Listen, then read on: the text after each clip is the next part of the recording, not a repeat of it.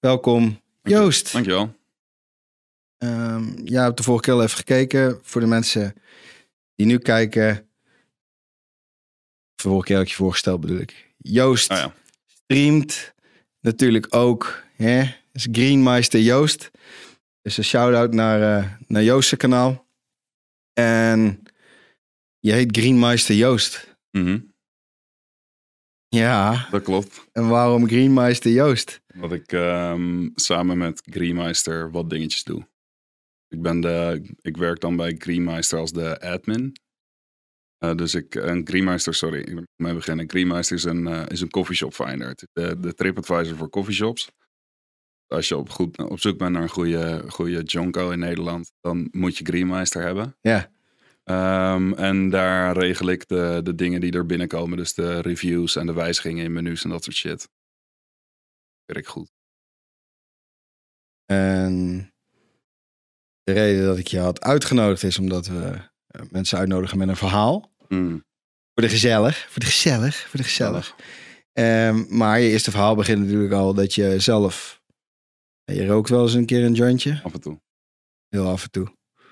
Als je bij jou op je stream kijkt, dan zie je nooit een... eh, Nee, ik kom niet vaak voor dat je... nee, nee, dus ehm, de vraag daar is natuurlijk wel... Joh, eh, Twitch ehm, accepteert in principe alles wat wetgeving technisch natuurlijk eh, mag in een land. Ja. Bijna. En dan heb je natuurlijk, kom je bij wiet in een ingewikkelde gebied, want het is gedoogbeleid in principe. Is, is Twitch-beleid dan ook gedoogbeleid? Ehm, nou ja, sinds dat... Nou ja, in Nederland mag je in principe gewoon een, een, een joint roken. Dus dat mag, dus vindt Twitch dat ook. Sinds dat eh, Snoop Dogg, toen legalisatie in Amerika net plaatsvond, toen Californië net gelegaliseerd Mhm. had, heeft, hij, heeft Snoop Dogg op stream meteen een joint opgestoken. En sindsdien is dat allemaal.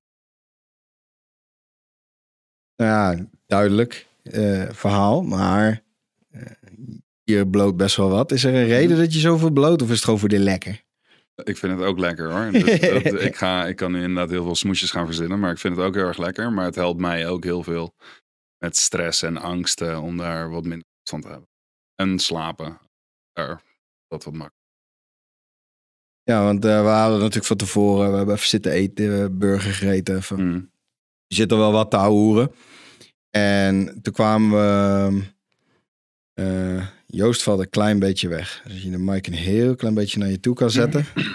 We praten nu ook eigenlijk zachter dan net, heb ik het idee. Ja, we waren net een beetje wat meer aan het Ja. schreeuwen. Ja, meer maar... Ja, precies. Ja, ja. Ik ben rond.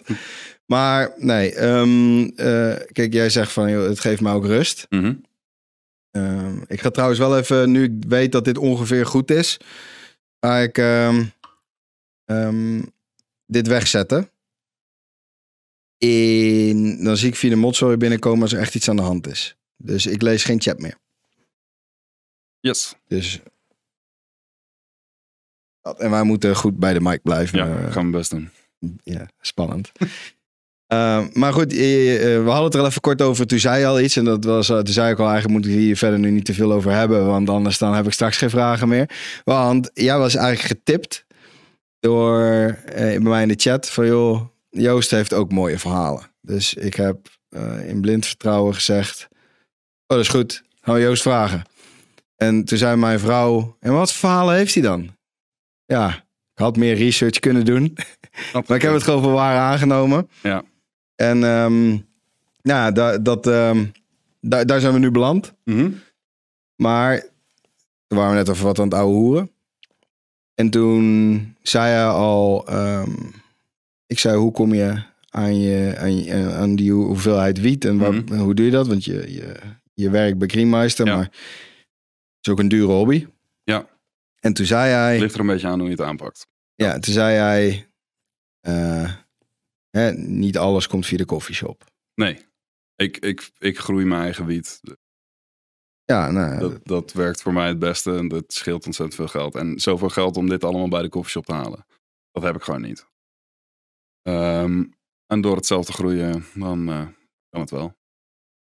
nou ja, en ik, ik had meteen een vraag veel. Hoeveel mag je in Nederland groeien? Toen zei je vijf per Ja, huishouden? Vijf, vijf planten per huishouden. Maar het, het, dat is een beetje een grijs gebied ook. Want ze zeggen vijf planten per huishouden. Maar je kan op elke mogelijke manier kan het gepakt worden.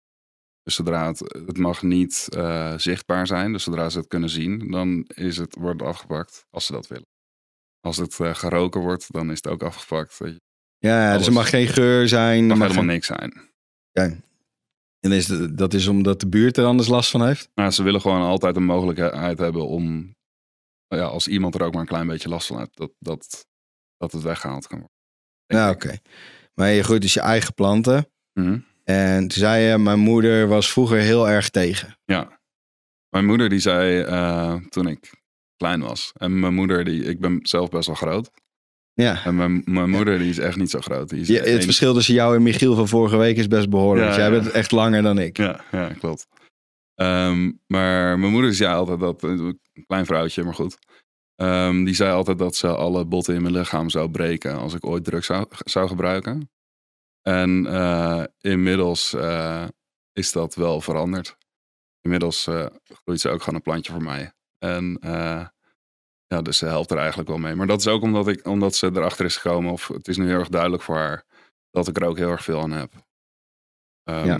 Maar dat is natuurlijk meteen iets wat vragen opriep. En daar heb ik het toen ook een beetje gelaten. Omdat Mhm. ik dacht, van, eh, die vraag is veel interessanter zometeen. Ja. Want je zegt niet dat je er iets aan hebt en dat het je heel erg helpt eh, met wielrennen. nee. Dus eh, wa- wat is, waar helpt het je mee dan? Ehm, nou ja, ik heb sowieso van mezelf heb ik nogal veel last van, van stress. Kan ik heel veel last krijgen eigenlijk. Ja. Ik heb een bipolaire stoornis. eh, en ADHD. En dat bij elkaar, ehm, dat zorgt nogal wel eens voor drukte in mijn hoofd. En wiet zorgt ervoor dat ik dat een klein beetje beter kan behappen allemaal. Ja, ja, ja. Oké, dus het, ge- het geeft rust. Ja. Eh, nou, is misschien, want ik weet ook niet hoeveel mensen er kijken en hoe die allemaal over dingen denken. Maar bipolair, hè, dat, zeker vroeger werd dat met schizofrenie gewoon op één hoop gesodemieterd. En dacht iedereen dat je dan twee stemmetjes had, altijd die tegen elkaar praten. Ja. Eh, is dat het ook? Nee, nee, nee. Ehm, een nou ja, eh, een bipolaire stoornis, dat is dus een ander woord voor manisch depressiviteit. Ehm, dus ja, als je bipolair bent of je hebt een bipolaire stoornis, dan ben je manisch depressief. En dat betekent dat je, heel kort gezegd, je hebt eh, hele, hele hoge toppen en je dalen, die zijn ook heel erg diep. Nee, dat, eh, ja, ik heb het met, eh, ik zie trouwens, eh, ik krijg ook door dat we ondertussen een reet hebben gekregen van, van Jeroen, van Los met Tos. Hey. Toevallig wilde ik hem ook daarin aanhalen, want we hebben het met hem ook over gehad. Mhm. ehm, hij, hij komt ook nog, maar ook over niet lekker in je vel zitten en zo. Ja. Ehm, is het dan omdat je, ik denk dat heel veel mensen in de chat heb ik ook al over gezien, over gehoord, hè, dat niet lekker in je vel zitten. Mhm. Maar bipolair is niet hetzelfde als ik zit een keer een dagje niet zo lekker in mijn vel. Nee, ja, kijk, je hebt sowieso heb je daar heel veel mensen die zeggen ik ben, oh, ik ben depressief en dan, dan hebben ze dan hebben ze gewoon een mindere dag en dat is ook prima. Zeg maar, mensen verwarren depressiviteit en een dipje wel eens met elkaar en dan en je bent ook niet zomaar bipolair. Dat is dat is de Nee, het is ook niet een hele lichte diagnose, zeg maar. Nee, toch? nee, Het, het, eh, wordt niet zo rond. Nee, nee, nee, dat, moet je ook zeker niet doen. Ik bedoel, ook kijkt naar wat voor eh, medicijnen erbij komen kijken, dan zijn het wel heftige middelen die je niet, eh, die je niet voor niks wilt, eh, aan wilt beginnen, zeg maar. Die gebruik jij ook naast, de, naast de bloot. Naast niet een, de bloot. dus geen vervanger. Nee, ja, ik heb het, ik heb wel, ik slikte ook heel veel kalmeringsmiddelen. Ja. En die heb ik eigenlijk vervangen voor wiet. En dus ik slik geen kalmeringsmiddelen meer, maar wel nog een stemmingstabilisator en depressief. Slik jij permanent antidepressiva? Eh, ja, het is een soort onderhoudsdosis. Het is bij mij, ik, het is niet eens echt zeker of het werkt bij mij. Ehm, maar het is meer in de hoop dat het de, een volgende episode. Ja, precies. Je, je dip. Want ik denk dat er... ja, ze zeggen bij ADD, ADHD al hoge pieken, diepe dalen. Dan heb je de bipolariteit bij. Dat Ja. is, dan kan je du- dubbel gas geven. Precies, precies. Ehm, maar is het dan ook dat je vaker die kant op schiet? Ehm, ik denk dat dat heel erg verschilt. Voor mij niet. Ik denk er zijn wel heel veel mensen met een bipolaire stoornis die er nog veel meer last van hebben eh, dan ik. Maar bij mij valt het wel mee. Ik, heb, eh, ik moet oppassen. Als, als ik erin glip, dan is het voor langere tijd. En dan heb ik meer last van de dalen dan van de pieken. Wat ook wel logisch is. Eh, ik, heb, ik heb niet zoveel pieken, maar wel veel diepe dalen als ik, als ik pech heb. Ehm, en eh, bij mij het lastige is dat als ik zo'n in een diep dal zit, dan werken de antidepressiva niet echt. Dus ik had de vorige keer dat dat gebeurde, heb ik zes maanden lang antidepressiva geslikt. Aan het einde kom, kom, je wel uit die depressie, maar ik weet niet of het dan nog aan de antidepressiva. Ja, ja, het kan ook gewoon uiteindelijk ja, natuurlijke genezing zijn, ja. zeg maar. um, ja, ik vind het, voor mij ligt de depressie in die zin ik heb het meegemaakt. Mhm. Ik ben als kind vaak, of tot mijn negentiende vaker depressief geweest. Mhm. Maar depressie is denk ik ook, in mijn ervaring, is mensen die het niet kennen, hebben heel erg moeite zich in te beelden hoe dat is. Want die zeggen dan, ah ja, pak jezelf er even op. Of ja, dan maak je er toch gewoon wat van. Of Ja. dat, Ja, dat is wel schattig. ja, ja, precies. Dan, dan had niemand een depressie als dat Nee, zo werkt. Kom op, jongen. Ja, En dan, oh, is goed. ja, dat, eh, dat zo, dat- ja goed, het is, het is allemaal goed bedoeld en zo. Maar er zijn heel veel mensen die echt niet, niet weten wat ze, wat ze ermee aan moeten. En dat is ook oké. Ik bedoel, ik- ik heb wel eens gehad dat mensen dan naar me toe... Dat mensen er dan achter kwamen, of dat ze er via de via achter waren gekomen, dat, ik, dat het echt niet goed met, met mij ging. En dan kwamen ze naar me toe en zeiden: Ja, je, je moet me echt gaan bellen. En ja, nee, dat moet je echt doen. Hè? Dat moet je echt. En ik zeg: van, Ja, ja, is goed, ik bel je wel. Wat, Ja. En ik wist, zijn, ik wist zijn naam niet eens meer. Ik was zijn naam, het was een gast van rugby.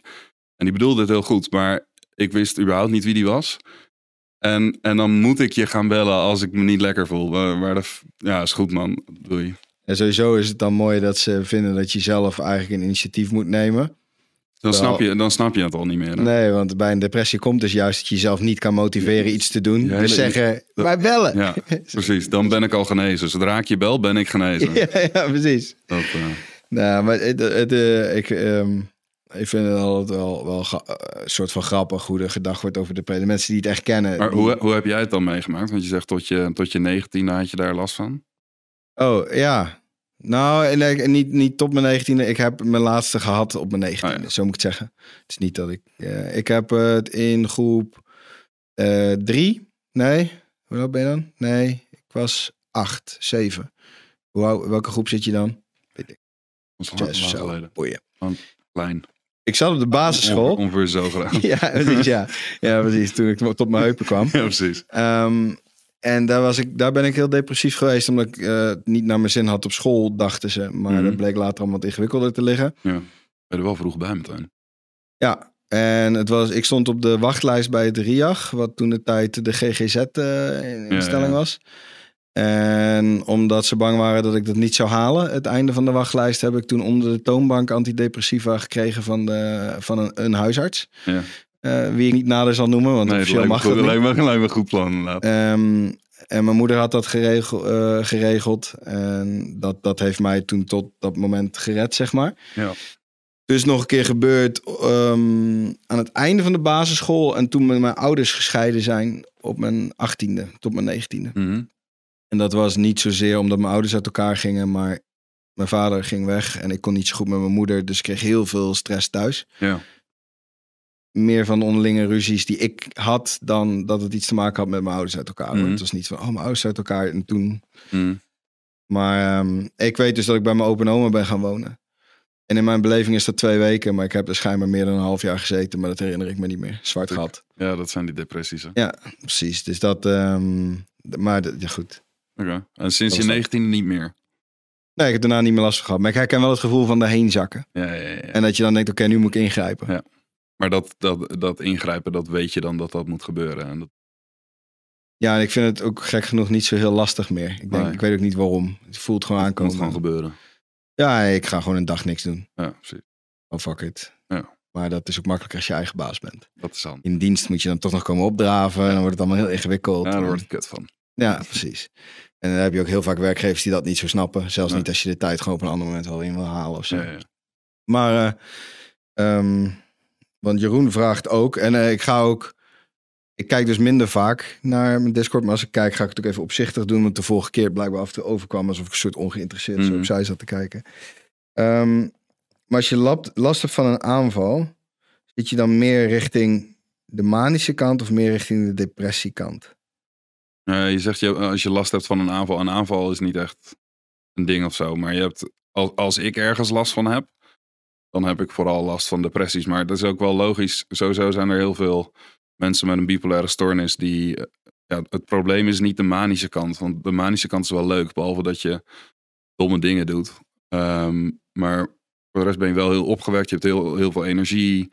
eh, weet je, allemaal plannen, bla bla bla. Maar het, het wordt pas kut zodra dat instort. En, en je krijgt er een, een depressieve episode van. Of je krijgt sowieso de- een depressieve episode. Want dan lukt niks meer. Maar ja, goed. Voor je, voor je omgeving is een manische episode ook heel erg vervelend. Want je bent niet echt handelbaar. Goed, dat, Ja, en ik denk dat daar ook wel een verschil zit tussen het bipolaire stuk en bijvoorbeeld meer de ADHD, ADD kant. Daar heb je dit ook. ja, daar maar ben je hoogstens wat irritant, zeg ja, maar. En, en de, het- is, zeg maar, je hebt niet echt zo'n duidelijke ja, scheiding tussen depressief en manisch. In, dus geen drukke en rustige eh, periode in. Nee, heb ik het. Dat is wat meer constant. Ja, ja en ehm, ehm, als je kijkt naar een, hoe moet je dat zeggen? Een ADD'er is ook heel anders dan een ADHD. Een. ADD, een ADHD'er is altijd een ADD'er, maar een ADD'er is niet per se een Mhm. ADHD'er. Dat is eigenlijk een beetje hoe het tegenwoordig zit. Hè? Alles ADD en ADHD is een specifiek segment. Ja. Maar ik ben bijvoorbeeld ADD'er, dus ik heb dat hyper niet. Ja, ik ben wel gewoon druk. Maar Mhm. dat is gewoon wie ik ben. Dat Ja. is geen, Mag ook gewoon toch? geen, geen afwijking. Nee, mee. Gewoon raar. maar, maar ehm, dus ik heb dat hyper ook niet. Maar ik herken wel het stuk ook van de hoge pieken, diepere dalen. Mhm. Maar eigenlijk is het bipolair is bijna gewoon een, nou ja, Dus, volume naar 12. ja, dat is nog, nog eh, ja, dus, eh, zeg maar als je als een normaal persoon zeg maar qua emoties zo gaat, dan gaat een bipolair die kan ook zo gaan. Die heeft gewoon nog een aantal niveaus bij of zo. Heb je dan, eh, want een normaal persoon is soms heel gelukkig. Hmm. Soms eh, heel, heel verdrietig of chagrijnig, of je het wil noemen. Maar een heel groot deel van de tijd ook stabiel. Ja, met manische depressie, als ik het goed heb, is ook die stabiele periode veel minder. Het is veel meer Ja, dat je daar zo doorheen jojo. dat is, dat, is wel, dat is wel weer heel. Want ik zit nu in een hele stabiele periode, juist. Dus dat is heel erg afhankelijk van de persoon en hoe de ziekte bij jou verloopt. Ehm, ik heb daar nu niet zoveel last van. Mijn laatste echt depressieve episode was denk ik twee, drie jaar, nee, twee jaar geleden nu. Want daarna ben ik gaan lopen. Ehm, dus twee jaar geleden dat ik voor het laatst uit een eh, echt een taaie depressie kwam. Daarna ben je gaan lopen. Oh, Je bent gaan lopen. Ja, toen ben ik in Spanje ben ik, eh, ben ik eerst. Dus twee jaar geleden heb ik eh 1150 kilometer gelopen. Gewandeld. Dat is van hier naar Utrecht. Eh, iets verder. Ja, eet verder. 1150 kilometer. Waar kom je uit dan? Ergens eh, Ik- als je ja, hier was- zou lopen? ik was begonnen. Oh, vanaf hier. oh, ja, of daar mag ook. waar- Vanaf hier zou het ergens in Frankrijk zijn of zo. Maar ik ben toen daar begonnen vanaf Sevilla, dus het zuiden van Frankrijk. Van, van Spanje. Mm. En vanaf het zuiden van Spanje naar linksboven gelopen. Naar Santiago. Oh, Je, oh, je bent naar Santiago gelopen. Ben, je, ben je geloven? Nee. En Santiago is gewoon een mooie bestemming. Ja, dat is gewoon lachen. Ja, het is gewoon lachen. ja, iedereen gaat naar Santiago lopen vanuit geloofsovertuiging. Ja, maar heel dikke lul. Daar begin ik niet aan. dat is gewoon lachen. Ja. Oké, heel mooi. Dat moet je wel eens uitleggen dan hoor. Maar dat, eh en ook mensen die eh, bedanken omdat je voor hun zonde loopt of zo. Ik ben gewoon aan het wandelen. ja, ik ben gewoon... Laat me maar rust, Laat me rust. Of je daar met een joint in je bek. Want Je wandelt en dan ondertussen je ook gewoon te blowen. ja, ja, ja. Dus jij kan wel fysiek productief blijven terwijl je bloot. ja, zeker. Want dat is ook niet voor iedereen Ik, ik, vergeet wel spullen. Dus dat is wel, dat, is wel dat wordt wel lastig. Ik, eh, toen die eerste, de eerste Camino, die ik toen dus gedaan, zo'n wandeling. De eerste Camino die ik toen eh, gedaan heb, toen had ik op een gegeven moment heb ik ook de regel met mezelf gemaakt dat ik alleen maar aan het einde van mijn wandeling mocht blowen. Want anders dan, zeg maar, de hele dag door vergat ik echt allemaal shit. Ik ben mijn koptelefoon van ergens heb ik in een weiland laten liggen. En handdoeken, zeepjes, eh, al- allemaal zooi die je dan kwijtraakt. En dat ging beter als ik dan aan het eind van de dag ging blowen. Ja, ja want Dan dan, heb ik dan, hij je Ja. niet meer. Dan hoeft hij de volgende ochtend was gewoon de boel weer verzamelen. Ja, Precies. Ik kreeg trouwens de vraag, kun je eens proberen te verwoorden hoe diep, ehm, hoe depressief je je kan voelen tijdens een depressie? Misschien een voorbeeld. Ik Bedoel, ik denk dat, dat er bedoeld wordt de, Wat is mijn laagste punt? ja, ik denk dat, dat, dat zo lees ik het. Want hoe, je, hoe depressief je je voelt in een depressie is een ingewikkelde vraag. Ja. Ik weet niet. Eh, m- mijn laagste punt was dat ik opgenomen was en ergens in een isoleer lag. Oh, dat level. Dat is echt, dat, dat is voor mij het diepste punt. En vanaf toen ik daar eenmaal lag, toen wist ik ook van, nou ja, ik kan nu niet meer verder zinken. Dus dan gaan we nu maar omhoog. En dat gebeurde. Maar dat was, Maar je dat, wordt niet zomaar isoleer gezet. separeer, isoleer, whatever. Ja, ja, nee, maar Ehm, beide. Eh, ja, nee, ik was toen wel ook wel een beetje, een beetje heel erg gevaarlijk voor mezelf. Ja, oké. Dus dan is het of de hele. Ja, ja, ja. Je kunt, je, precies, je kunt er zitten omdat je gevaarlijk bent voor jezelf. Mhm. Niet per se alleen maar gevaarlijk voor een ander. Nee, de meeste mensen die daar zitten, die, eh, die zijn, niet meer, zijn niet gevaarlijk voor anderen. Nee. Ehm, Maar dat, dat, en dan, dan is er niks meer over. Dus er is, je, bent niks meer eigenlijk. Je bent ook niet meer, je kan dan ook eigenlijk niet meer praten. Je, je kan niet meer, ja, communiceren, dat is gewoon opgehouden. Ehm, ik be- bewegen überhaupt. Ik zat toen ook heel erg, eh, de, medicatie was toen ook eh, bizar hoog. Ehm, dus dan word je een soort van zombie. En ik denk, ik denk dat dat het laagste is wat iemand überhaupt kan zakken. Ah, ja, ik heb een oma die heel erg manisch depressief eh, is. Ehm, dus die en met psychoses Mm. en ook in isoleer gezeten. Dus ik ken de verhalen. eh, hoe zeg je dat? Ik heb ook verhalen gehoord. Ik denk, nou ja, ik ben blij dat ik dat soort dingen niet in mijn hoofd eh, heb. Maar Ja. heb je ook wel eens, ben je ook wel eens tot psychose niveau gekomen? Ja, ik, dat was dus tijdens die opname. Ik ben eigenlijk één keer opgenomen geweest. En tijdens die opname was ik ook psychotisch. En voor de mensen die niet weten wat een psychose is. Ehm, ik, ik, ik zal het je nooit echt kunnen uitleggen, want om echt te weten wat een psychose is, moet je er een meemaken. En dat kan ik niet aanraden. Ehm, maar je bent, ja, je bent het contact met de werkelijkheid eigenlijk kwijt op een of andere manier. Ehm, dat is een beetje het basale plan van een psychose. Maar heb jij dan ook dat je dingen hoorde en zag die er niet waren? Of kun je een soort hallucineren? Ja, het wa- waren vooral wel denkpatronen. Ik heb ook wel wat hallucinatieachtige dingen gehad, maar niet echt mensen zag lopen of zo. Maar het zijn vooral eh, denkpatronen die niet meer kloppen, die niet meer stroken met werk. Ik dacht, eh, ik vind het nu vind ik het echt grappig. Maar ik dacht dat ik ehm, dat de Russen achter me aan zaten. Mhm. En eh, dit was toen Edward Snowden nog een ding was. Mhm. Ehm, dus ik dacht dat de Russen achter me aan zaten en dat ze me zouden veranderen in een dubbelganger van Edward Snowden. Maar dat ze dit zouden doen zonder dat ze me zouden verdoven bij deze operaties. Ik weet niet waarom ik hierop kwam, maar dat was een van mijn. Het is ook niet helemaal aan. onaannemelijk. Nou ja, vind je mij op Edward Snowden? nee, maar ik bedoel, alle Russen zoeken al de hele vervanger, Al lang. nee, nee, oké. nee, oké, maar dat zijn wel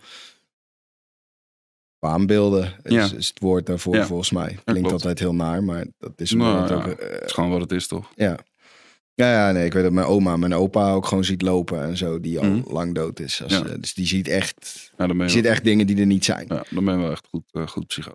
Die, die is ook wel gewoon wel goed koekoek. Ja, precies. Ja, ook heel vaak niet gelukkig. Maar er zijn momenten dat je eraan kan, je denkt, je bent niet hier. Ja, Dat zie je dan ook, maar die zegt dat, dus is ook... dan, dat is dan dus ook echt. Ja, en die zei ook, door medicatie voel je dan een zombie. Je voelt alsof je in je eigen lichaam een soort zit, maar Ja. eh, je lichaam is niet jezelf. Ja, nou ja, die, die medicatie, dat was, eh, ja, op een gegeven moment is dat blijkbaar dan toch nodig. Ehm, ben ik ook trouwens wel echt mee eens. maar ja, en dan, je wordt een beetje gereset. Ehm, dus eh, ze halen wat dingetjes weg en die gaan we dan langzaamaan weer toevoegen. Eh, en dan kijken waar het misgaat. Zoiets. Eh, want je zei, eh, en ik zag er al meerdere vragen over komen, maar ik dacht, ik spaar het even op. Ehm jij zei, ik ben gevaar voor mezelf. En mensen vragen zich vooral was, af wat je ik bedoelt. Was, ik was. Ik ben er, toen, toen ik... Je was, zei ja, ik ben? Ja, maar oh, was, uit. sorry. Ja. Ja, je was er voor. Ehm, eh, ja, ik was een gevaar voor mezelf, dus ik was suicidaal. Toen ik, Ja, toen ik daar zat. Dat is wat er in volgens mij drie, vier vouw op verschillende manieren gevraagd is. Maar inderdaad, Ja, dat, eh, ik, ging, ik ging daarvan uit inderdaad. Maar ehm, eh, herken jij relatief eenvoudig bij anderen? Bijvoorbeeld als je... Herken je dat iemand verward is? Als je iemand ziet staan, dat je Ik denkt, kan er, ik die is kan hem- psychotisch of Ja, jawel. Nou, nee, ik zeg niet dat ik het herken, maar ik kan er wel beter mee praten. Ja, Dus ik, had, eh, ik heb dan ook een tijdje verpleegkunde gestudeerd. En dan eh, liep ik op een eh, afdeling oudere psychiatrie. ja. En dat waren ook gewoon heel veel bipolaire en ook ja, ja. heel veel Gewoon, schizofrenie. gewoon oude gewoon, gewoon, men, ja, gewoon oude mensen met psychoses. Ja. Ja, daar kan ik me wel, kan ik me wel tussen, tussen bewegen. Daar red ik me wel, zeg maar. ja, ja, Dat zijn, dat zijn wel gesprekken die ik kan voeren. Ja. Ehm, maar ik, ik ga niet zeggen dat ik het zomaar... Ik denk het wel.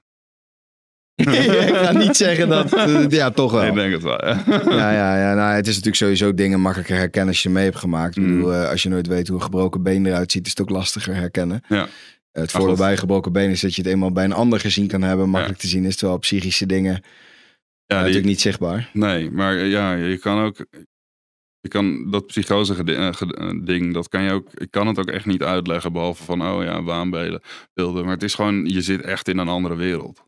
En als je de andere kant op gaat, naar de, de positieve kant, want daar gaat het eigenlijk altijd heel weinig over. Ja, maar de po- positieve kant, dat is de psych- psychose en manie zijn een beetje, zeg maar, ver- verbonden met elkaar. Ja, het is, ja, je stort vaak in na ook. eh, Ja, maar zeg maar, in, in, een, in een manische episode, zeg maar, wordt gekenmerkt door psychoses. ja. Dus eh, alleen, en als je dus, en die heb ik niet echt gehad. Die kant van de psychose, ik, ik zat meer helemaal aan de andere kant. In de depressieve eh, kant en daar helemaal onderaan. Omdat ik zo depressief daarin was, werd ik ook nog psychotisch. Gezellig. Ja, Ja, ja. ja. Nou ja, ja, dat ik- moest even, toch? Ja, nee, maar kijk, weet je, eh, ik, andersom wilde ik er naartoe werken van, joh, wat, eh, het gaat heel vaak over, en maar goed, je hebt het niet zoveel meegemaakt, het gaat heel vaak over depressie. Hmm. Er zijn ook heel vaak hele briljante verhalen over rare acties die je doet als je manisch bent. Ehm, die, die kunnen erg grappig zijn, omdat ze vaak... Ja, ik, ik, heb, ik heb zelf niet echt die, eh, die manische dingen heel veel meegemaakt. Wel dat ik eh, een beduidend drukkere periodes had. eh, waarbij ik ook vaak niet te genieten was. Maar, maar die, die manische episodes zijn vaak de reden voor depressieve episodes. Ehm, dus zeg maar, je hebt je, volgens mij een manische periode is op zijn minst twee weken lang dat je dus eh, je hoofd in de wolken zit. Ja, En dan zijn er mensen die. eh en een verhaal van een man. Die werd manisch, verkocht zijn huis, kocht daar een auto van. En eh crashte die auto vervolgens in de bar naast het politiebureau. Liep de bar binnen en begon naar bier te drinken. En toen kwam de politie hem pakken. Dus die is alles kwijtgeraakt in twee weken dat hij eventjes manisch was. Zijn huis kwijt, zijn- eh, auto vrouw, eh, kwijt. Nou, waarschijnlijk zijn vrouw ook nog wel. ja ermee omgaan is niet zo heel... Maar dit, ja goed, ik ken de manische verhalen veel meer van bij mijn oma, in dat ze gewoon nog net niet eh, met 10 graden buiten de bikini rond gaan rennen en dat soort dingen. Die, gaat, die ging echt dat soort dingen doen. Ja. Dus dat ik er wel om kan lachen, omdat het relatief onschuldig is. Ja, ja. nou ja, er, er zijn, het is wel, ja, je bent veel drukker. Er zijn veel meer ideeën, dus er zijn ook veel meer domme ideeën. ja, ja, de, ja, kritisch denken verdwijnt ook, hè? dat is het Ja. probleem. Ja, alle, eh, zeg maar, alles wat je verzint is echt een fucking goed idee. En Ja. mensen die dat niet eh, snappen, die, daar moet tegen geschreeuwd worden. ja, ja, ja. Zoiets. Ja, dus dat is natuurlijk het, ja, ja, het is je moeilijk inbeelden, maar eigenlijk elke eh, positief debiel idee. Ja. Iedereen heeft wel zijn ingeving dat je denkt, oh, zou het niet grappig zijn als, maar dat is dan niet meer zou het grappig zijn als, dat is dan gewoon een Dat fucking briljant dat- idee, ja, wat dat ga is je het doen? allerbeste plan ooit. Dit moet vandaag gedaan worden. Ja, En dan begin je eraan en dan... Maar misschien begin je er niet eens aan, zeg maar. Misschien word, eh, ben je alleen, heb je alleen maar drie spullen gekocht. En vervolgens ben je weer overgestapt op het volgende idee. Want dat is nog briljanter. En dan ben je daar shit voor aan het kopen. Want dat is echt nodig. Nou, zo gaat het. Ja, ja, precies. Ben je zo ook begonnen met streamen, als een van die briljante Nee, ideeën? gelukkig niet. Dat, nee, nee, nee. Was Ik in een ben- depressie. nee, nee, nee. Maar dat, dat is, ik ben wel heel erg bedachtzaam op het bedenken van briljante ideeën. Klinkt misschien een beetje raar. Maar zeg maar, ik ben me er wel bedachtzaam op dat ik niet te veel moet pakken of zo, weet je wel. Dat ik niet te, te druk, te, te enthousiast met dingen moet zijn. Is het dan ook dat je zegt, ik, als ik hier enthousiast over ben, moet ik een maand lang enthousiast zijn, want anders ben ik niet te vertrouwen? Of? Nee, nee, nee, nee. Nee, maar gewoon dat ik, ik, ik ben heel bewust over mezelf dat ik niet te, hard van stapel wil lopen. Want dat is wel, heb ik het idee een beetje, dat is wel wie ik ben. Iemand die te hard van stapel loopt. En dat probeer ik tegen te houden, omdat ik weet dat dat misschien geïnterpreteerd kan worden als, als zijnde manisch.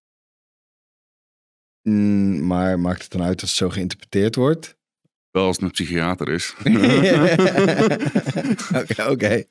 Die deelt de pillen uit. Dus ik had, eh, we hebben een aantal vragen die ik eventjes eh, ehm, even, even doorlees, want dan kan ik ze in één keer even samenvatten. Eh, Oké, dus, dus de eerste vraag is: speelt onzekerheid een rol in, ehm, in de depressie, psychose? Hoe Ehm, speelt onzekerheid daar een rol in? Ja, op heel veel manieren denk ik. Maar zeg maar, van een depressie word je sowieso onzeker. Dat is, ja, je, je, je wereldbeeld is gewoon een stukje taaier geworden. Ehm, en past ook wel bij het ontstaan ervan, toch? Als je onzeker bent van al je keuzes, dan ga je misschien wat minder doen. En omdat je onzeker bent, kom je misschien wat minder buiten. Nou, dat zijn allemaal dingen die ertoe kunnen leiden dat je uiteindelijk depressief wordt. Maar is... En wat ik zeg, je, je kan zeker met een bipolaire stoornis ook, kan je veel last krijgen van onzekerheid. Er zijn patiënten die dus inderdaad nooit meer buiten komen. Die, eh, die gewoon alleen maar bang binnen zitten. Ja, ja. Ehm, dus, dus ja, hoort er wel een beetje bij ook, ja, zeker.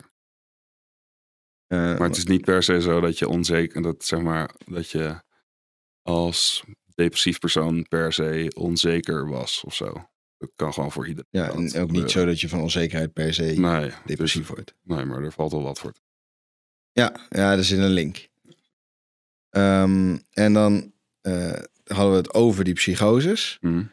Maar die kunnen dus eigenlijk twee kanten op. Die kunnen positief zijn, maar het kunnen ook negatieve psychoses zijn. Ja, nou ja, je kan dus je kan zeggen dat je hebt dus de kant van de, van de manie en dat daarin psychoses kunnen ontstaan. Want je bent zo erg opgewonden dat er inderdaad wat, wat waanbeelden kunnen ontstaan. Maar eh, natuurlijk, je hebt hem ook aan de, aan de, in de depressieve kant. Nou, voor mij was de psychose dus, eh, dus iets eh, minder rooskleurig. Mm, Alleen een psychose kan alle kanten op, toch? Het is een, het is een soort van ja, een fantasiewereld eigenlijk. Ehm, dus ik, ik, ik heb er niet genoeg gehad om een, om, een- om een expert te zijn. En ik wil het zeker niet worden. Ja, precies. Ehm, maar ik denk dat dat, eh, dat dat alle kanten op zit. En eh, is alcohol in dit hele verhaal ook een trigger dan? Ehm, voor psychische ziekte of voor... Nou ja, de vraag zelf is niet gespecificeerd daarin. Maar ik denk dat, dat ik denk inderdaad dat het bedoeld wordt. Is het een trigger om bijvoorbeeld sneller weer manisch te worden of depressie te starten? Of... Hoe, die weet ik niet. Nee, dit, eh, dit heeft mijn, heb ik nog niet zoveel dingen over gehoord. Nee, je hebt dus zelf nog niet ergens in jouw leven een link getrokken tussen die twee. Nee, ja, ik had wel, zeg maar, voordat ik dus die, de eerste keer dat ik echt eh, diep depressief en psychotisch werd. Daarvoor heb ik een, echt een jaar lang ehm, geen drugs of alcohol gedaan. Ja, Ehm, en toen, ik was druk met werk en ik werkte iets te hard. En ik vond het allemaal heel erg spannend. En zo eh, ontspoorde dat een beetje. Maar ik heb dus, ik kan niet zeggen dat dat er toen bij hoorde. En ik heb sindsdien wel drank en drugs gedaan. En er is eh, verder niet meer ja, ja. voorgekomen. Er is geen duidelijke Ik- correlatie in ieder geval ga het, het tegendeel ga ik ook niet beweren hoor, daar niet van. Maar nee, ik, eh, ik heb daar geen, eh, geen relatie in gevonden. En is dat wandelen, want je bent dus gaan wandelen. Hm. Is dat wandelen dan een, eh, een uitlaatklep of een manier om stabiel te blijven? Of... Ehm, ja, nou, allebei wel. Als ik aan het wandelen ben, sowieso de, de, de, bij fysieke inspanning kan je geloof ik Alleen nog maar aan één ding tegelijkertijd. Echt makkelijk denken. Ja, dat wist ik helemaal niet. Dus ehm, dat is het lekkere aan hardlopen of zo. Dat je dan, tenminste voor mij is dat het lekkere, dat ik dan rustig mijn gedachten kan aangaan. Ja, ja, ja. Uh, dus het geeft wat, wat meer ruimte in mijn kop. Uh, dat is het voordeel van fysieke inspanning. En als ik dat elke dag acht of tien uur lang doe, dan weet ik wel zeker dat ik me lekker voel. Ja. Dus ja. Ja, dus voor jou is het wel een, uh, een medicijn. Ja, ja, medicijn, zeker. Werkt gewoon echt goed. Dat gauw weer doen. ga, ga, ga, weer lopen. Ja, toch? Yes. Ja. Um, nee, maar je, um, je, je, streamt ook. En ik, vroeg, ik begon net al even over. Maar jij uh, woont op jezelf. Mm -hmm. uh, als in, in je eentje. Mm -hmm. uh, en je streamt best veel. Mm -hmm. En is dat streamen ook een, een makkelijke manier om contact te houden met de buitenwereld? Of is het de vervanger van. Nee, of... het is meer een aanvulling. Dus, nou ja. Is, uh, voor mij is het. Wat het mij vooral oplevert, is dat ik. ik heb elke dag heb ik iets te doen waarvan ik dan aan het eind kan zeggen: ik heb ook echt iets gedaan. Dus. Uh, klinkt dat heel raar, maar goed. Dan, dus als ik een dag niks te doen heb en ik ga de was doen en ik uh, weet ik veel, ik kijk een paar films en dat soort shit. Dan ben ik aan het einde van de dag ben ik best wel ontevreden met mezelf. Um, en ik wil niet zeggen dat ik tijdens het streamen heel veel meer dan dat doe. maar aan het einde ben ik wel, kan ik wel terugkijken en dan zeggen van oké, okay, nou, gewoon nuttig. Fuck it, tien volgers, right, let's go. Dan slaap ik weer lekker. Het is eigenlijk een soort, het is een vervanger voor werk. Um, ja, voor werk wat ik leuk vind, ja. Ja, ja, ja. ja. Ja. En jij streamt in het Engels? Ja. Is daar space? Want ik weet dat uh, sommige Engelse streamers mag je in de chat geen Nederlands spreken. Want ze per se willen dat het een Engelstalig kanaal is. Bij jou wandelt het dwars door elkaar. Ja. Uh, waarom kies je dan voor Engels? Um, hm. Ik vind, uh, ik heb veel mensen, ook veel vrienden in het buitenland zitten. En ik vind het altijd wel heel erg interessant om mensen uit het buitenland te leren kennen. En ik heb vind het heel erg gezellig ook met alle Nederlandse kijkers die ertussen zitten. Alleen als je dan iemand uit Algerije krijgt waar je een paar vragen aan kan stellen, dan wordt die wel heel. Snap je? Dat, dat, ja. Ik vind het het leukste om mensen te leren kennen die uh, in een hele andere omgeving zitten als ik. Want dan kan ik ook de meeste vragen stellen, want dan weet ik niks, Yeah. niet wat er gebeurt. Dus ik denk daarom zoiets. Ben je dan ook van het reizen? Ja, nou ja, ik, ik wil. Ik, uh, ik heb dan die twee keer zo'n Camino gedaan in Spanje. Ja. Um, van de laatste ben ik dan in november teruggekomen. En dan wil ik de volgende. En sowieso heb ik wel altijd gereisd. Vanaf dat ik klaar was met, met de middelbare school, sowieso heb ik eerst in Frankrijk een aantal zomers gewerkt. En Guatemala ben ik zeven maanden kids geweest. En, uh, en in Spanje dus een tijd gezeten. Ik heb als, uh, als verpleegkundige stage gelopen daar. Oh, als verpleegkundige stage gelopen in, in Spanje? Ja. In het zuiden. Ook bij Cadiz in de buurt werkte ik in een ziekenhuis. En omdat ik al best wel goed Spaans kon, omdat ik in Guatemala had gezeten, daar heb ik het geleerd.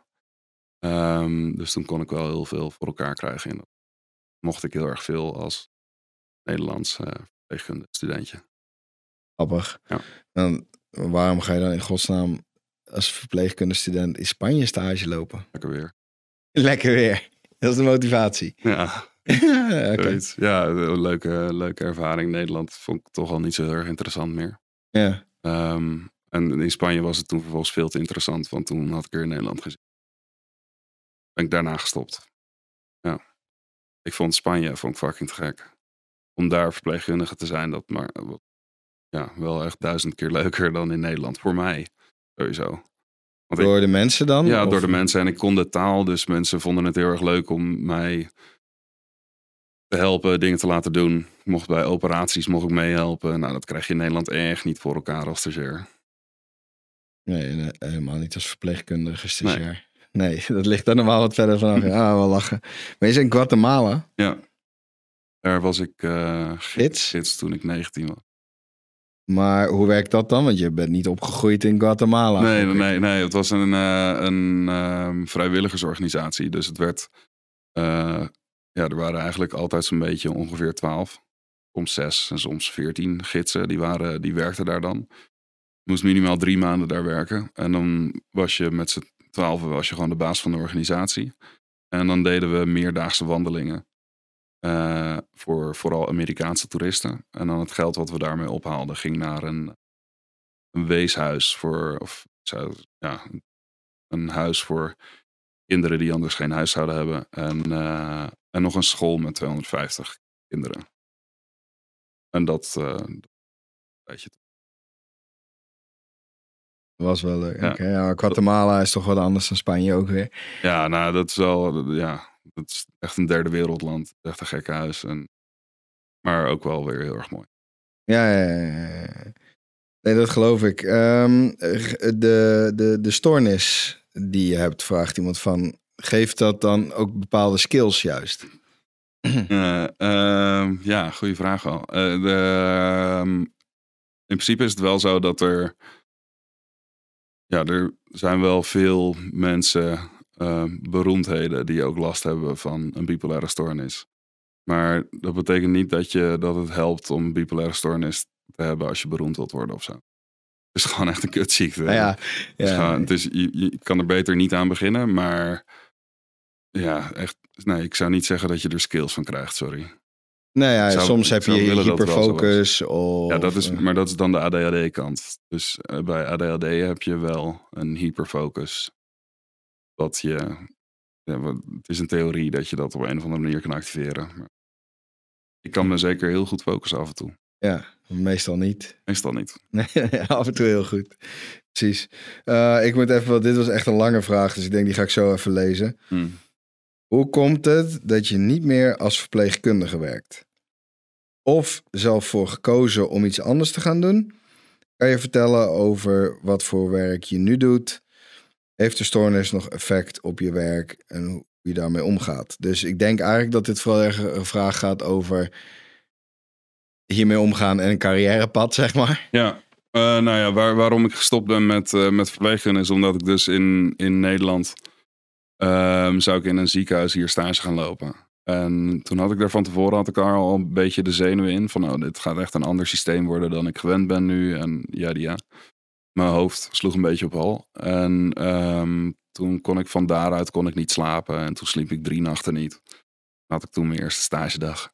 En daarna de tweede. En toen kwam er daarna. eh, Toen, ik had al aan de bel getrokken. van jongens, dit gaat volgens mij niet lekker. Ehm, en toen kwam er iemand van school die kwam langs. En die zei van, oh, maar kan je beter naar huis. En toen heb ik eh, gestuurd van jongens, ik kap er mee.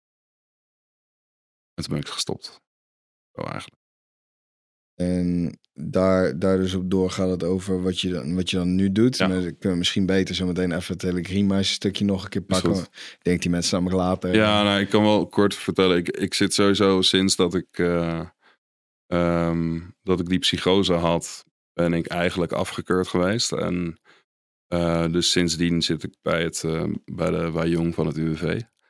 Ehm, en sindsdien dat, dat studeren en eh, nu ook Greenmeisters zijn manieren om te proberen om weer gewoon volle bak aan het werk te komen.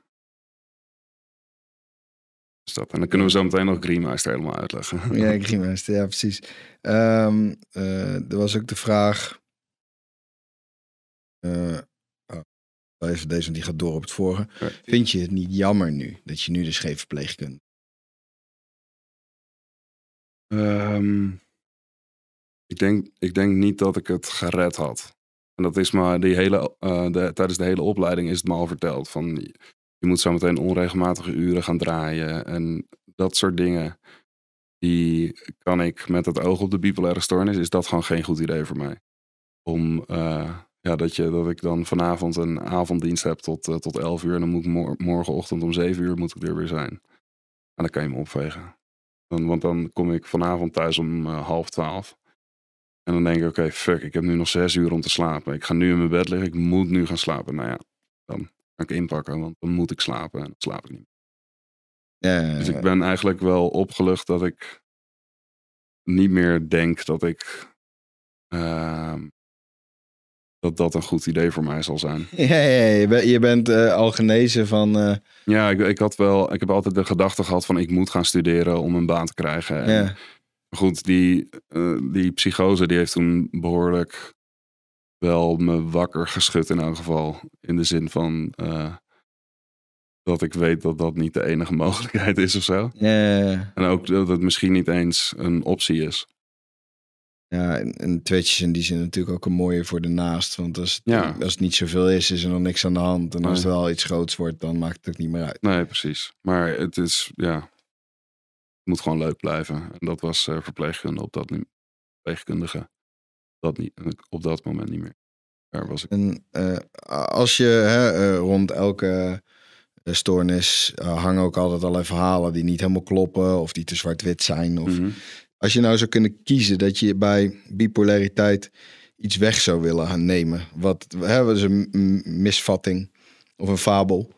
Welke, wat zou, waar zou je het liefst vanaf willen? Nou ja, als bipolair ben je niet altijd ziek. Ik denk dat dat wel misschien een. eh, ik denk dat veel mensen niet doorhebben dat, een, zeg maar, dat je ook gewoon een stabiele periode hebt als bipolair. Ja. Er zijn ook mensen die, zeg maar, die hebben een, ja, eh, een keer vijf jaar last gehad van zo'n stoornis. En dan daarna eerder mee om te gaan. En ben je voor de rest van je leven gewoon prima in staat om alles normaal te doen. Je bent niet altijd ziek. Ik weet Ja, niet wat er verder voor, nog echt voor misvattingen zijn ook. Dus Nee, dat is misschien dan eerder gewoon. over de wiet. ja, oh ja, dat, nou ja, dat, dat is wel, maar dat is niet een misvatting. Er zijn mensen, er, er, er zijn gewoon veel aanwijzingen dat, eh, dat cannabis een eh, bipolaire stoornis ook kan verergeren. Ja. Ehm, maar niet bij mij.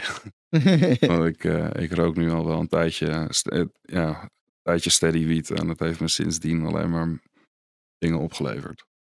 Dat er meer mogelijk is omdat ik minder geremd word door dingen. Hem door wordt door angsten. Ja, door angsten bijvoorbeeld. Door, nou ja, goed, eh, drukte in je kop. Dat je hersens op met 300 km per uur aan het racen zijn. En dan draai je een jointje is het weer oké. Ja, zo rustig. Ja. Ja, precies. Nou ja, de, ehm, eh, als je de situatie bekijkt waar je, waar je dus nu in zit, is Mhm. dat je nu, je, je, bedoel, je hebt al drie jaar, Ik weet het twee jaar volgens mij, maar ik oh, twee, durf- er geen last van gehad. Je, zit, je zit gewoon eh, op jezelf. Mhm. Eh, eh, je bent aan het streamen overdag. Je, Mhm. Daarnaast, uh, Greenmeister is natuurlijk even wat lastiger. Mhm. Nu waarschijnlijk er minder toeristen zijn Ja. en andere dingen. Ehm, maar Greenmeister is geen, geen fulltime baan nu. Nee. Ja, want aan Greenmeister wordt gewerkt. Het is een start-up, dus Ja. we zijn hard bezig om, er, om er wat van te maken. Maar ja, dat kost natuurlijk wel heel veel tijd ook. En energie. Eh, waar komt Greenmeister vandaan? Sorry? Waar komt het vandaan, het idee, Greenmeister? Ehm, Als iemand heel gefrustreerd is, zei, oh, een onderzoek kan Ja, ja, vinden. mijn- maatje gewoon, die, eh, die vond dat lachen om alle coffeeshops te gaan bijhouden. Ehm, en daar heeft hij toen een, eh, een, een dingetje voor gebouwd vanuit zijn zolderkamer, zeg maar dat idee. Ehm, en dat heette toen Get Smoke In. En dat vind, vonden de advocaten niet meer leuk. Eh, dus toen zijn we daarvan afgegaan. Maar het heeft altijd, als Get Smoke In is die dat gaan bouwen. En is het juice gener- generated content geweest. Dus mensen konden zeggen van oké, op dat adres zit een coffeeshop. En dit zijn de, en ze verkopen dit. Of niet eens dat, maar Ja, verkopen dit. Dit zijn de openingstijden. Eh, en dat is hij dus ja, gaan uitbouwen. En nu zijn we de grootste van Nederland daarin. En eh, is het nog steeds user-generated? of Ja, gaan jullie actief ook? Nee, ik, ik, we gaan niet actief op zoek naar nieuwe coffeeshops. Dat, eh, die, die worden vanzelf aangeleverd. Ja, Ehm, ja, dus ja, het is nog steeds wel user-generated. maar ik, ik snap dat, een, dat coffeeshops in Amsterdam aangeleverd zouden worden. Eh, ook een deel door zichzelf misschien. Ja. Ehm, maar Ja, dan, dan, dan mailen ze mij. Zo. Ja, maar eh, als het user-generated is, er natuurlijk een hoop plekken waar in ieder geval minder toerisme is. Zijn er dan echt Nederlanders die dat aanmelden omdat ze die tool ook gebruiken? Ja. Als jij naar een andere stad gaat, gebruik je gewoon die tool om het daar te vinden of zo? Ja. Ja, Heel veel, en ook heel veel buitenlanders. Maar eh, ja, in Nederland is Creammeister wel, wel groot qua, qua users.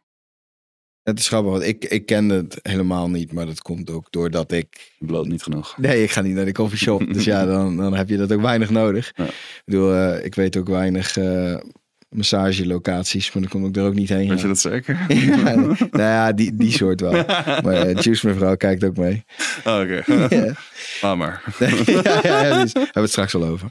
Maar, ehm, nee, maar kijk, het is natuurlijk wel, wel heel boeiend. Kijk, ehm, de manier waarop je eh, in het leven staat is voor heel veel mensen al heel verschillend. En het is natuurlijk helemaal anders als je ook een stoornis hebt die invloed heeft op jouw emotionele gesteldheid. Mm. Eh, maar heb je dit in je schoolperiode ook al? Even eerder, dan heb ik het even niet over toen je stage ging lopen. Mhm. Maar heb je dit ook al op basisschool, middelbare school last gehad? Of ontwikkelde zich dat later? of? Nee, ik heb altijd wel wat, eh, wat gezeur gehad op, op scholen en zo. Maar niet... eh, dit zagen we niet aankomen, zeg maar. Dat, eh, Ja. Hoe oud was je toen ze erachter kwamen? Toen deze, eh, ik denk dat ik 22 was, 21, 22. Je bent Toen- nu? Nu ben ik eh 30. Je weet, ja. En in de periode na, je, na die leeftijd toe, dus naar 21, 22, waren er al wel... Ja, er was altijd wel wat gedoe. Dus ik was wel een lastig jochie. Was, toen ik echt jong was, had ik veel, eh, veel, veel boosheid in me. Ja. Dat is daarna wel een beetje gaan... Nou, wel, steeds wel een beetje. Maar het komt er nu op andere manieren uit. Ehm, maar ja, dus de, het was geen smooth sailing, zeg maar. Dat, maar bipolaire stoornis, op deze manier hadden ze het niet aanzien komen. Ik had wel, als ik terugdenk, kan ik wel zeggen van... Oké, oh ja, ik had ADHD. Daar zijn ze ook pas later achter gekomen. Ja, Ehm, oh ja, nee, dat, die, eh, die zie ik wel echt. Maar bipolaire stoornis, nee. Dat ontwikkelt zich sowieso, sowieso pas tijdens de adolescentie. in jouw geval of altijd? Altijd. Ja, dus je kunt eigenlijk als kind niet bipolair zijn. Ja, dus nou ja, in, eh, in Europa kan je als kind niet bipolair zijn. In Amerika dan durven ze het aan een zesjarige te geven. Maar dat slaat echt neer. Nee, want, want eh, ja, ik probeer zelf ook te begrijpen waarom kan dit niet als kind? Omdat je dan nog niet ontwikkeld bent. Je moet nog veel verder doorontwikkelen voordat je weet wat er echt mis met je is. Ja, zo, zo. Ik vind niet dat je dan op zes jaar kan zeggen, want een bipolaire stoornis, dat heb je voor de rest van je leven. Ja, Dat kan je niet aan een, tegen een zesjarige. nee, precies. Heeft het ook- is, ook heel, consequenties? is ook heel erg makkelijk. Ja, ze, ze stoppen, in Amerika stoppen ze de kids echt helemaal vol met, eh, met medicijnen. Maar is het ook zo, eh, moet je het opgeven als je jezelf verzekert? Dat durf ik je niet te zeggen. Je begint niet aan het verzekeringsstelsel van Amerika. Nee, ik bedoel bij jouzelf. Oh, als ik... ah, Nee, nee, nee, dat mag, dat mag niet in Nederland. Regels voor. Ja, dus de verzekering kan niet tegen jou zeggen, eh, je moet namelijk opgeven, wel, volgens mij moet je wel eens opgeven of je kanker hebt gehad of dit of dat. Het is niet zo van eh, bipolair, dus je hebt een hogere premie. Ik, ik, misschien heb ik niet opgelet met die formulieren, maar volgens mij heb ik het nog nooit over. Nee, nee, ja, ik ben ook gewoon nieuwsgierig. Volgens mij wordt ook lang niet, er wordt ook niet lang niet alles gevraagd. Maar ik weet natuurlijk niet of dat. eh, Nou, zou, het zou wel een slechte zaak zijn, denk ik, als ze dat zouden vragen. ja, maar. Maar goed, politiek. hè. Eh, Brian vraagt: eh, Op welke manier heeft corona invloed op je mentale gezondheid? En in hoeverre helpt het blowen om je, om je in deze tijd ook nog die rust te vinden? Ja, ik, wil- ik, wil, eh, ik wil niet echt een advocaat voor blowen. Zeg maar, het helpt mij, maar het helpt niet. Is niet dat wiet iedereen gaat helpen of zo. Dat, is, dat moet even niet de gedachte zijn die mensen gaan hebben. Ehm, sorry, wat was het? Eh, corona en. Ja, voor blowen, hoe ja. de huidige mentale gezondheid. en- Ehm, nou, ik, eh, sinds, dat, sinds ik dat wandelen heb uitgevonden, sta ik wel redelijk sterk mentaal, heb ik het idee. Dus ik ben nu ook ehm, aan, ik ben gaan sporten en ik heb nu ook een cross, een cross trainer in mijn kamer staan. Eh, die neemt echt de helft van, de, van mijn oppervlakte, neemt, eh, is, wordt nu ingenomen door een cross trainer. En door, jij, jij woont op heel. Jij woont. Jij, wat heb je? Studentenkamer. 250 vierkante meter eh, penthouse had je toch? ja, precies, dat is het inderdaad. Ja, met een eigen lift en zo'n butler die daar. Ja, ja. Nee, het is gewoon een studentenkamer. Dus eh, ik moet mijn ruimte goed gebruiken. Slim gebruiken. Ja, want als we jou op stream zien, dan zien we hoe groot De deel van jou. kamer. Ja, de helft van waar je eigenlijk in woont. Ja, Ja, je hebt gedeelde ruimtes zoals een keuken en een ja, ja dat, dat natuurlijk. Maar het is gewoon, het is mijn slaapkamer. Dus dat, er staat een bureau en een cross trainer en dat is het. Ja, en een uit bed. je bed, om de camera heen. Ja. En aan het einde van de dag moet je terug. ja, precies. Dat is met corona wel heel weinig beweging. Ja. Nou ja, daar, vandaar die cross trainer dus. ja. En dat is, eh, ik zorg gewoon dat ik heel veel sport. En ik heb dus in, ehm, wat was het? In oktober, oktober, nee, november ben ik teruggekomen van 1170 kilometer wandelen in Spanje. Ehm, Moest je doen in het quarantaine, november? Nee, ik moest in quarantaine, zeg maar, omdat een huisgenoot van mij was positief getest. Ja. En toen mocht ik uit quarantaine, eh, mocht ik eruit. En toen heb ik meteen een busticket gepakt en ben ik naar Frankrijk gegaan. En toen ben ik begonnen met lopen. Want ik was, ik wilde niet meer in mijn kamer zitten met corona, zeg maar. Hmm. En eh, met elke huisgenoot die besmet zou zijn, moest ik weer tien dagen in quarantaine. Toen dacht ik, nou, dan kan ik beter gaan lopen. Ja, ja, ja, ja, precies. Ja. Nou ja, op zich is dat ook wel een... eh, Oh, en eh, vroeg ook nog over dat blowen, hoe dat helpt. Ja, Ehm, ja, voor, voor mij helpt blowen gewoon heel erg, omdat stel dat ik heb het nu niet meer, maar ik had wel paniekaanvallen ook. En stel dat je daarin zit en ehm, maar als ik dan een pilletje moet nemen, dan, eh, dan neem ik een pilletje en dan baal ik van mezelf, want dat pilletje stond voor mij een soort van symbool voor het falen. Want je hebt een pilletje nodig, dus je hebt iets niet goed gedaan, of zoiets. Terwijl als ik een joint ga draaien, dan ga ik zitten en dan ben ik eerst even een paar minuten met, me, met mijn vingers bezig. Dus dan Ja. ben ik al een beetje uit het moment. En dan ga je vervolgens ook nog een dikke toeter roken. En dan, dan, ja, dan, dan komt het wel weer goed. Dat, dat is het voor mij zo. Maar ja, andere mensen die hebben weer juist dat ze last krijgen van angst of wat dan ook. Mensen die paranoia van, worden van een joint, kan ik het niet aanraden. Zou ik het vooral niet doen. Nee, maar het is ook een beetje logisch denken. Ja, nou, dat is wel lastig voor mensen nog hoor. Ja, ja, nee, dat is ook zo. Dat is ook zo. Eh, ik denk dat jij, ehm, ook aan de naam zien, Tom Kush ken je. Ja. Ken jij? Want die begint ook... Oh, Tom. Ja, die begint ook over iets waarvan, waarvoor je iets moet weten. Nice. Want die zegt, Joost, kan je wat vertellen over het plan van de P, eh, PCT? Oh, de PCT, de Pacific Crest Trail. Ehm, ja, dat wordt mijn volgende wandeling. Ehm, ik heb nu dus die twee wandelingen gedaan. De eerste wandeling in Spanje, dat deed ik, dan ging ik nog slapen in herbergen. En de Mhm. tweede wandeling ben ik, heb ik eigenlijk alleen maar in mijn tent geslapen. Maar dan loop je nog steeds wel elke dag gewoon over verharde wegen en dat soort shit. En nu wil ik van, eh, ik hoop in 2023 wil ik de Pacific Crest Trail gaan lopen. En dan loop je van, eh, van Mexico naar Canada.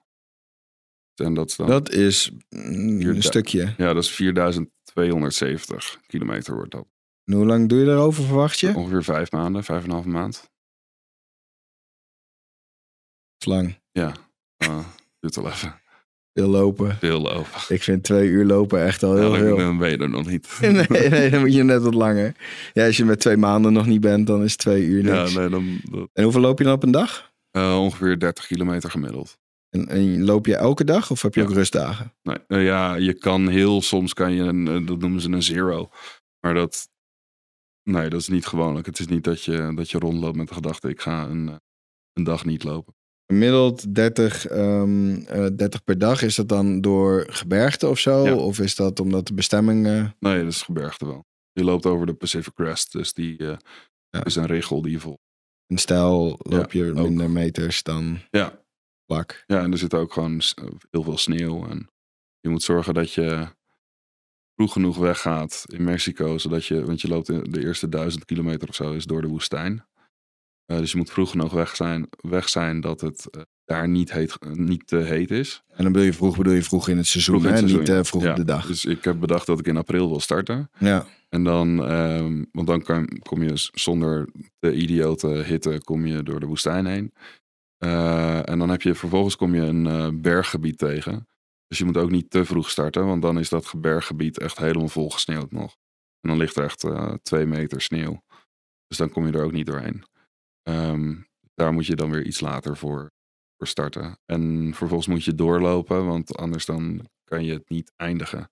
Omdat er in Washington sneeuw ligt. en doorlopen. Gewoon lopen. Tempo, het is niet in tempo volgen. 30 kilometer. Ja, precies. Je moet gewoon volhouden. Ja.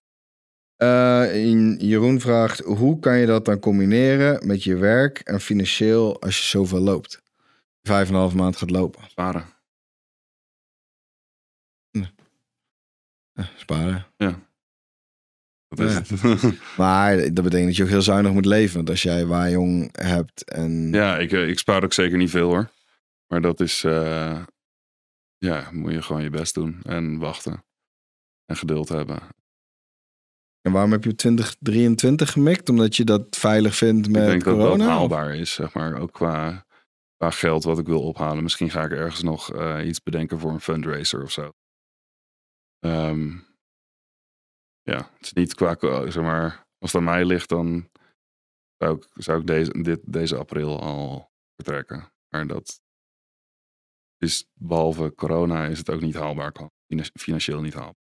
Ja, dan haal je de vijf en een halve maand niet financieel. Nee. En je sjouwt aan je eigen tent op je rug? Ja, je hebt eh, gewoon alles. Wat sleep je dan mee? Een kilootje of 15 of zo? Nee, eh, ik had nu eh, in, in Spanje had ik nu 20 kilo. Maar als je meer dan 10 kilo hebt op deze rit, dan, dan word je al wel voor gek ver- verklaard. Dus eh 7 kilo hoop ik op, zoiets. Ik, ik heb zelf niet zo lang, maar wij hebben eh, in Zuid-Amerika verschillende kortere hikes gedaan. En Ja. dan was het van een paar dagen, dus Mhm. dat is niet te vergelijken in, in afstand. Maar dan vond ik ook al dat 15 kilo op je rug, zeker als je een berg opwandelt, doorstappen. Ja. Eh, wij zijn allebei geen kleine jongens, Nee. maar het ook 15 kilo is best wel behoorlijk gewicht. Maar ik, eh, ik woog ook 15 kilo meer toen ik, eh, toen ik aan mijn eerste wandeling begon. Of 20. Ehm, dus dat ben ik er weer, dat heb ik er van afgehaald. En dan kan ik er wat meer op mijn rug, zoiets. ik. ja, is dat zo werkt. Nee, maar ik ga voor de, voor de PCT ga ik wel echt zorgen dat ik, eh, dat ik minimaal aan kilo's. Ik neem één shirt mee, één broek, drie paar sokken, drie, misschien twee onderbroeken. Dat soort dingen. Er gaat echt bijna niks gaat mee. En dan heb je een hele lichte tas en dan kan je, dan kan je die 30 kilometer gemiddeld halen. Maar hoe doe je dat dan hygiëne technisch gezien? Als je één shirt hebt? Of is het gewoon scheid hebben? Ja, gewoon scheiden. Eh, kan. Gewoon, Je gaat gewoon stinken. Je, dat ga je echt, daar ga je echt niks aan doen hoor. Als je vijf maanden gaat lopen, dan ga je sowieso stinken. Of je dan één of twee shirts tegen mee hebt, dat maakt dan echt niet meer uit.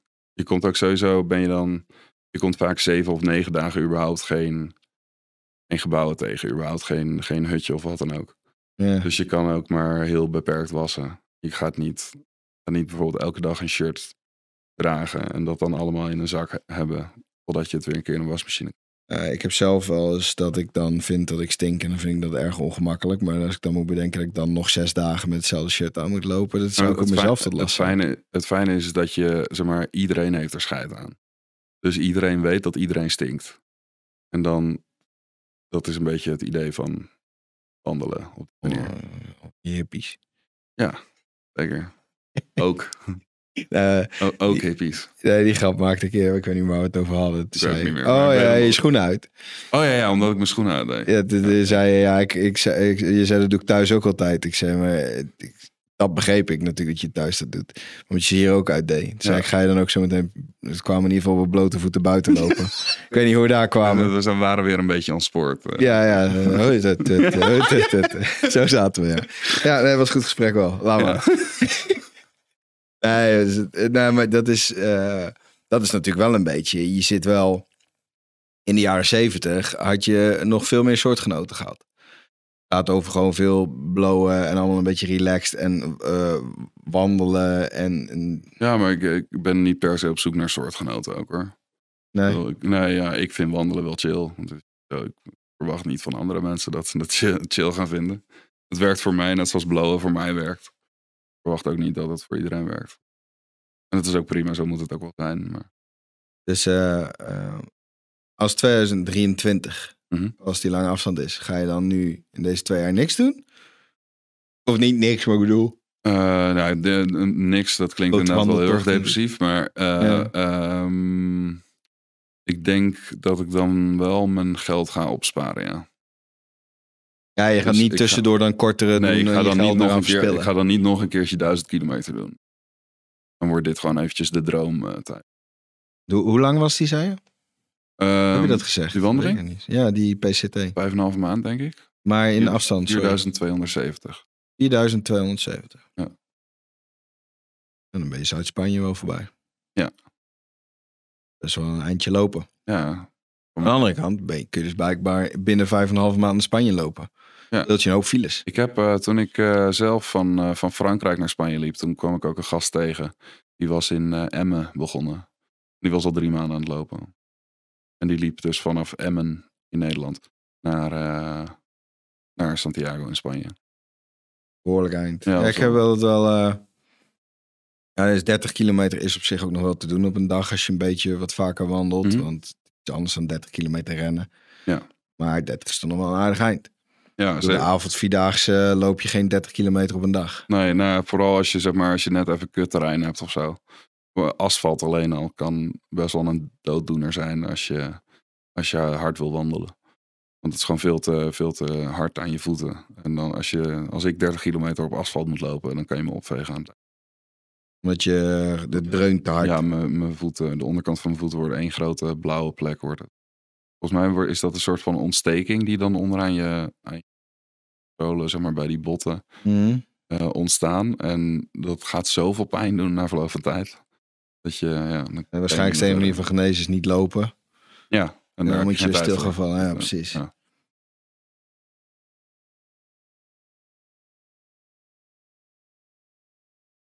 Zit iemand heel stoer te doen dat ze nu heel trots is dat ze zonder oefenen 80 kilometer in vier dagen heeft gelopen. Ik ga niet zeggen wie dat is, want dan krijg ik ruzie met mijn vrouw. Nee, dat is 20 kilometer per dag. Dat Ja. is toch, toch juist minder? Ja, het is wel 80 kilometer. Het Ja. is wel minder dan 30 kilometer, dat klopt. Maar Oh, ik lees het verkeerd. Ik lees het nu trouwens goed. En ik ben net trots. Dus is, is, is, is- Oh. oh, ik las het verkeerd nou om. het, het, is wel, het is wel 80 kilometer. Je hebt waarschijnlijk meer gedaan dan Jorrit. Dus.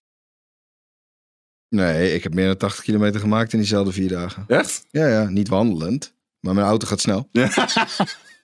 Ik ben, eh, ben naar Utrecht geweest met twee mensen. Ik ben weer Oh, teruggegaan. Ik ben naar Enschede op en neer geweest. Ik heb die 80 kilometer ja, ja. wel gehaald. Ja, ja, dat is goed. Ehm, ja, en dat tanken is ook zwaar. Je hebt ook nog armspieroefeningen gedaan, bedoel je? Ja, weet je, ja, ik vind het ook jammer dat we die kliksystemen niet meer hebben. Tegenwoordig in het buitenland kunnen we gewoon die tank vastzetten. Weet je hoe zwaar dat is, dat knijpen. Eh, Jeroen zegt, eh, is het een uniek idee om die PCT gedeeltelijk te gaan streamen? Ja, dat wil ik heel graag. Dat is eigenlijk ook een beetje eh, onderdeel van de droom. Want het lijkt me fucking vet om te laten zien. Volgens mij moet dat ook kunnen met dat Starlink wat er nu is. Van, eh, van onze vriend Elon. Is, is dat al eh, operatief? Ja, ik weet alleen niet waar overal. Want ja, dat is natuurlijk je grote uitdaging op als je ook als je zeven Ja. dagen geen gebouw ziet, Ja. zal er ook geen bereik zijn. Precies dat. Ja. Als dat, zo, dat zeg je inderdaad iets. Maar dat, dat is inderdaad mijn... ik heb dat in Spanje geprobeerd om daar te streamen, maar dat had ik gewoon niet genoeg bereik. Ehm, en ik wil heel graag in, eh, in Amerika streamen. Dat lijkt me fucking vet. lijkt me super dik om tijdens het wandelen, dat je dan... Dat ik dan met mijn stream meeloop, zeg maar. Ehm, maar Maar ik, die, van die trucker streams doen het ook goed. Dus waarom Ja, wandelen, daarom. wandelen niet ook? Daarom. Eh, ik moet alleen wel een beetje opletten waar ik loop. Maar goed, dat ja, vogelen we dan wel uit. Hoezo? Nou, ja, als ik met een zo'n selfie stick, zo'n gare selfie stick of zo'n gimbal in mijn, in mijn klauwen eh, over, over een berg heen loop, dan ga ik op mijn... Ja, nee, dan moet je er aandacht aan besteden. Dan moet je hem eigenlijk op je rugzak Zo- bevestigen of zo. ja. Dat Ja. gaat in je hand gaat niet die afstand, joh. Krijg je blaren in je handen van die selfie Ja, stick. precies. Word je helemaal gek. Nee, maar dat, ik zou dat wel echt heel erg leuk vinden. Alleen ik weet nog niet precies hoe ik dat zou moeten vormgeven. Ja, en over twee jaar zit het ook anders. Ik bedoel, we hebben het over Starlink al in de Starlink. lucht, maar over twee jaar eh, hangt dat hele ding al lang in de lucht als het Ja. goed is. Ja. Eh, en dan is nog de vraag wat het kost om die data te versturen. Ja, het wordt, werd wel prijzen geloof ik. Ja, want eh, onbeperkt data is volgens mij in Amerika sowieso nog niet zo heel erg een ding. Ehm, nee, ja, weet ik eigenlijk niet. Maar dat... Ik zie al, ja, of ze zijn allemaal gewoon heel schaal. Ja, precies. Ik hoor altijd alleen maar Amerikanen zeiken over dat hun data, maar... eh, Oh ja, het zou kunnen. Ja, dan heb ik wel een probleem met streamen ook. Ja, nou, het, het op zich is wel goed te doen. En het, ja, het zijn natuurlijk dure investeringen. Je hebt die streamtassen en dat soort dingen. Maar daar Mhm. zou ik ook niet zomaar mee durven lopen. Want je komt waarschijnlijk ook wel op stukken... eh, nou ja, Amerika, en Mexico en Canada zijn geen derde wereldlanden. Nee, maar je komt niet, eh, daar heb je geen probleem mee. Nee, omdat Nee. je de hele, langs de hele kustlijn Je, loopt, eh, je komt nooit in een stad eigenlijk. Ja. Maar je loopt alleen maar door de bergen heen eh, waar niemand is. En er zijn wel andere mensen die dezelfde route wandelen. En er zijn mensen die weten dat je de route wandelt. Die eh, met, eh, met drankjes en shit langs, de, langs het pad gaan staan. Ehm, maar ik heb niks gehoord over berovingen of zo. Of dat. Maar En, wat wel een dingetje is, is het gewicht. Ik kan niet zomaar een een batterij van weet ik veel hoeveel kilo meegelopen slepen. En ik moet wel, ik kan ook, Een beetje aanpoten. Hup. Ik zal gaan trainen. Ik zal weer nog harder gaan trainen. Maar, ehm, en ik moet ook wel dan acht dagen batterij hebben. Want je ziet acht dagen lang zie je niks. Ja, dat, Maar goed, dat- dit zijn allemaal dingen. Ik ga erover nadenken. andere uitdagingen. Ja. Ja. op zich zou het wel tof zijn. Goede onderwerpen om eh, tijdens de stream een keertje over na te Ja, precies. Ja. Of nou een paar blows. Dan heb je sowieso de oplossing. Of beide. Sowieso heb je de oplossing. Volgende dag vind je niet meer dat het de oplossing was. Maar op dat moment was het de oplossing. Eigenlijk is het wel een soort van... Is dat wel grappig? Want van blowen word je ook wel een soort manisch. Ehm, hoe bedoel je? Nou, van blowen krijg je ook... eh, dat je minder kritisch gaat denken. En eh, Ja, eh. vaak oplossingen vindt die niet per se... Er zitten ook wel goede dingen aan. er zitten ook wel goede kanten aan manisch zijn. Alleen wat je met blowen vooral niet krijgt, is dat je de hoeveelheid energie die mensen met een manie denken te hebben. Dat, Ja, eh, ja. dat staat echt. Mensen slapen gewoon helemaal niet meer.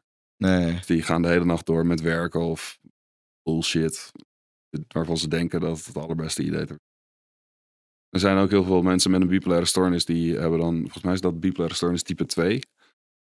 Heb ik niet. Goed. Ehm, die, eh, die worden alleen hypomaan. En die, dat zijn eigenlijk hele eh, productieve mensen. Want een hypomanie is dus een lage manie. En dan, eh, die mensen zijn vaak gewoon alleen maar extra productief in wat ze doen. En dan slapen ze gewoon een periode. Wat... Ja, maar je komt nu ook heel dicht al aan tegen ook gewoon standaard ADD, ADHD gedrag. Ja. Eigenlijk schurkt dat wel tegen elkaar aan. Want heb je ook mensen die periodes echt veel slapen. Is sowieso bij al deze Ja. stoornissen een issue. Maar Ik weet niet waar die grens ligt ook. Nee, want het, loopt eigenlijk loopt het in elkaar over. Ja. Ik weet toen ik voor mijn diagnose ADD ging, toen ben ik heel duidelijk geweest dat ik de diagnose in, eh, eh, in Nederland is het zo, ze mogen geen diagnose stellen totdat jij er akkoord op geeft. Mm. Dus een arts kan nooit zeggen, je hebt dit. En dat het ineens in alle boeken staat. Je moet daar zelf Mm. goedkeuring voor geven dat de diagnose gesteld is. Bij een normale psycholoog. Ja. Anders denk ik als je als complete wacko opgenomen wordt. Ja. Maar, eh, dus ik zei, van, ik wil dat graag een overleg doen. Want ik weet namelijk niet wat de consequentie gaat zijn van waar, waar je hierachter gaat komen. Mm. Volgens was het gewoon ADD, dus viel het reuze mee. Maar Ja. ik weet dat een van de eerste opties die op papier stonden ook bipolair was. Oh ja, Omdat het soortgelijke zit wel een beetje in hetzelfde hoekje. in. ja, je hebt, ja. precies. Dus, dus, eh, zij gaat dan uitzoeken door mij te vragen en te Mhm. laten praten van joh, vinden we dit een ADD of een... Maar blijkbaar kan je dus ook een bipolaire stoornis en ADHD hebben. Ja, dus ik ben nog steeds niet veilig. Kut. Je bent dubbel niet veilig eigenlijk. Ja, ja, nee, ja precies. Nee, maar het, ik denk de reden dat ik dat aanhaal is dat ik denk dat heel veel meer mensen mensen kennen met ADD en ADHD Ja. dan dat ze kennen met bipolaire stoornissen. Maar die, die hebben eigenlijk ook al dit soort gedragsvormen. Ja, ik denk alleen wel dat. Ik, ik weet er niet, ik ben geen psychiater wat dat betreft. Maar ik denk wel dat, een, dat je als bipolaire heb je het net even een tikkie erger te pakken. Zoiets. Ja, ja dat voor mij zal- voelt het zal- ook als een keer twee. dat, maar. zal, dat zal niet de officiële benaming zijn, maar ik denk, dat het zoiets is. Zo op de schaal van, eh van wacko Ja, is, de een 6 wacko Ja. en de ander 8 Ja, wacko. precies. En sommige mensen zijn tien wacko. En dan, Ja, ja maar, maar die zitten in isolatie. ja, precies. Dat zijn, Ja. dat zijn die inderdaad. Ja, precies. nou, ja, het, maar het, het, eh, het aparte is dat je heel dat het uiteindelijk ook bipolariteit gewoon heel veel voorkomt. Ja, veel voorkomst ik- valt mee, maar Nee, maar ik bedoel, dit is niet, eh, nou ja, wel een Michiel. eh, Mhm. progeria komt aanzienlijk minder vaak Ja. voor dan bipolariteit. ja, zeg nee, dat klopt. Ja, nee, wat dat betreft is het wel gewoon, mensen weten ook wat het is. Hè? Dus eh, Mm. er zijn, ja, net zoals wij dat nu hebben, maar er zijn altijd wel mensen die hebben een verhaal over iemand die, bi- die een stoornis heeft. Ja, klopt. Iedereen heeft er wel een, een, of in elk geval een verhaal gehoord van. Ja, is. Ehm, ik dacht dat er een vraag werd gesteld, maar er verdween ook weer iets. Ja, maar Ik ga even, even naar de wc. Ja, zijn we, hoe lang zijn we ook al bezig? Eh, het is nu Oh, zit ook al. 20. We zijn ook eigenlijk al een heel eind er doorheen, hoor. Ja? Ja. Vraag is, eh, hoe, eh, of er vragen zijn er eigenlijk over. Kijk, ik bedoel, zometeen streamen wij natuurlijk ook gewoon even een stukje door, even lachen. Dat is een ander verhaal, hetzelfde met Michiel. Ehm, want de reden dat ik dat ook zo splits is, omdat het wil voorkomen dat je volgens de hele avond alleen maar gaat zitten hebben over depressies. Oh, Ik bedoel, het is niet een onbelangrijk onderwerp, maar ja, precies. Nee. Nou ja, en, en in principe is het een. eh, waarom ik het een interessant verhaal vind, is dat jij dus eh, wiet gebruikt als een zelfmedicatiemiddel. Ja. En ik denk dat dat iets is wat in Nederland best vaak wordt gezien als nog apart, zeg maar. Ik denk dat het veel meer genormaliseerd is inmiddels, maar Ja, maar het is, ook, het is ook een beetje logisch, toch? Ik bedoel, mensen... eh, ja, ik weet niet. Ik vind het wel een, een logische keuze voor zelfmedicatie in elk geval. Ehm, ja, ik weet niet. Het, het is er nou eenmaal. En als je last hebt van deze klachten, dan is het wel redelijk logisch dat je terechtkomt bij, bij cannabis. Echt wel. Maar ik, ik bedoel, dit is vanuit jouw oogpunt. Ja, maar ik, weet, ik ken heel veel mensen die zouden reageren op... Nou, maar wiet is gewoon slecht voor je. Ja, dat mag. Het, het is ook best slecht. Maar dat is toch een zware contradictie. Ja, maar eh, zeg maar, mensen hebben hier hun eigen gedachten over. En eh, ik, ook mijn ik heb hier ook mijn gedachten over. En die zullen, zullen ook misschien wel niet kloppen. Maar voor mij werken deze gedachten. Ja, ja, als het werkt, werkt het, hè? Ja, daarom. Eh, ik zeg dat Jeroen ondertussen research heeft gedaan. Eh 82 euro per maand. En dan heb je onbeperkt in de US, Mexico en Canada. Oh, fuck. Dat valt toch best wel mee. Ja, dan is nog even de vraag hoe de limitaties ingesteld zijn. Dat is wel even handig om het te researchen. Ja, ja. T-Mobile in Nederland is ook onbeperkt, maar dan 5 gig moet ik in elke gig los activeren. Ja, dus dan is. IRL streamen meteen ruk. Ja. Maar ja, waarschijnlijk halen Oh, die top. 82 euro er wel uit aan dono's en dat soort dingen door gewoon puur online te zijn. ja. En, sowieso plezier voor mezelf. Dat lijkt me echt vet ook om daar beelden voor mezelf van te hebben. Want ik, Ja. ik ben niet zo van de foto's maken en zo. Ook een jointje op een Ja, ja, ja, precies. Ja. Als je de tijd hebt, ga je Ik, blowen. en ja, het, ik eh, ging dat op een gegeven moment deed ik dat in Ja. Spanje. Dat ik van oké, elke echt vette plek, daar, daar rook ik een joint en dan elke ja, smokespot. Dat, en toen, alleen toen werd het steeds mooier. En dan op een gegeven moment liep ik echt de hele dag te blowen. Dus toen ben ik daar maar mee opgehouden. In het begin ging het wel. ja. Die begon in de grote In, industriële Frank- in stad. Frankrijk was dat echt prima te doen. Maar in Spanje werd het echt eh, zwaar. Ja, ja, ja, moest je verplicht ineens veel gaan roken van jezelf. Ja, zwaar leven. ja, ik ben blij dat je het overleefd hebt. precies. Ik ook. ja. Maar wel een goede, goede tip van eh, Jeroen. Even die... eh, ja, dus er bestaat iets voor wat eh, cross, ook cross de landen gaat, zeg maar. ja, top. Dus, ehm, nou ja, kijk, voor, voor mij bipolariteit en ehm, het grappige is, ik wist niet wat je ging vertellen. Dat weet ik. Ik wist dat je verhaal had. Ik had dit, Maar- niet, ik had dit ook niet bedacht. Ik dacht, nou, we kijken wel waar het over gaat. Ja, want goed, we zaten net al wat te grappen over gewoon onzinverhalen. ja, ja klopt. Gewoon dingen die je in het leven doet en waar je dan om moet lachen. Mhm. Ehm, wat natuurlijk ook heel tof is. Maar misschien dan net zo goed zometeen kunnen doen in Ja. gewoon toch een andere setting. Ja, ja, ja. Ehm, zijn er vanuit mensen... Als, als, Vragen jullie, als over. jullie vragen gaan zoeken, ga ik even.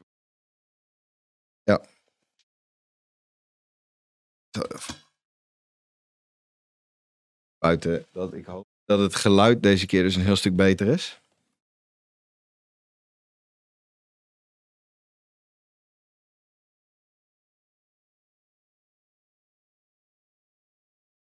Ik, misschien is het handig, ik kan Twitch even op. Direct er meekijken.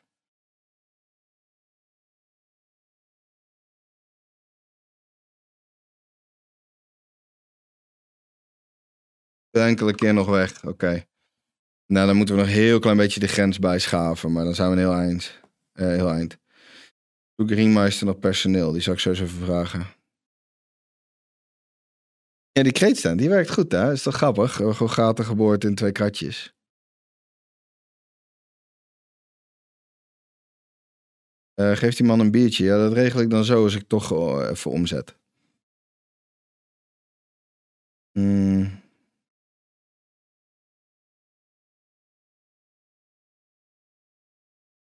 Kijk, eh, een van de vragen is: zoekt Greenmeister nog personeel?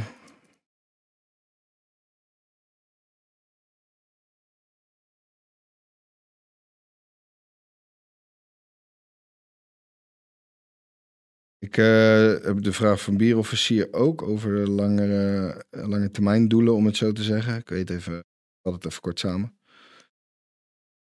Dat zal ik zeker ook even stellen.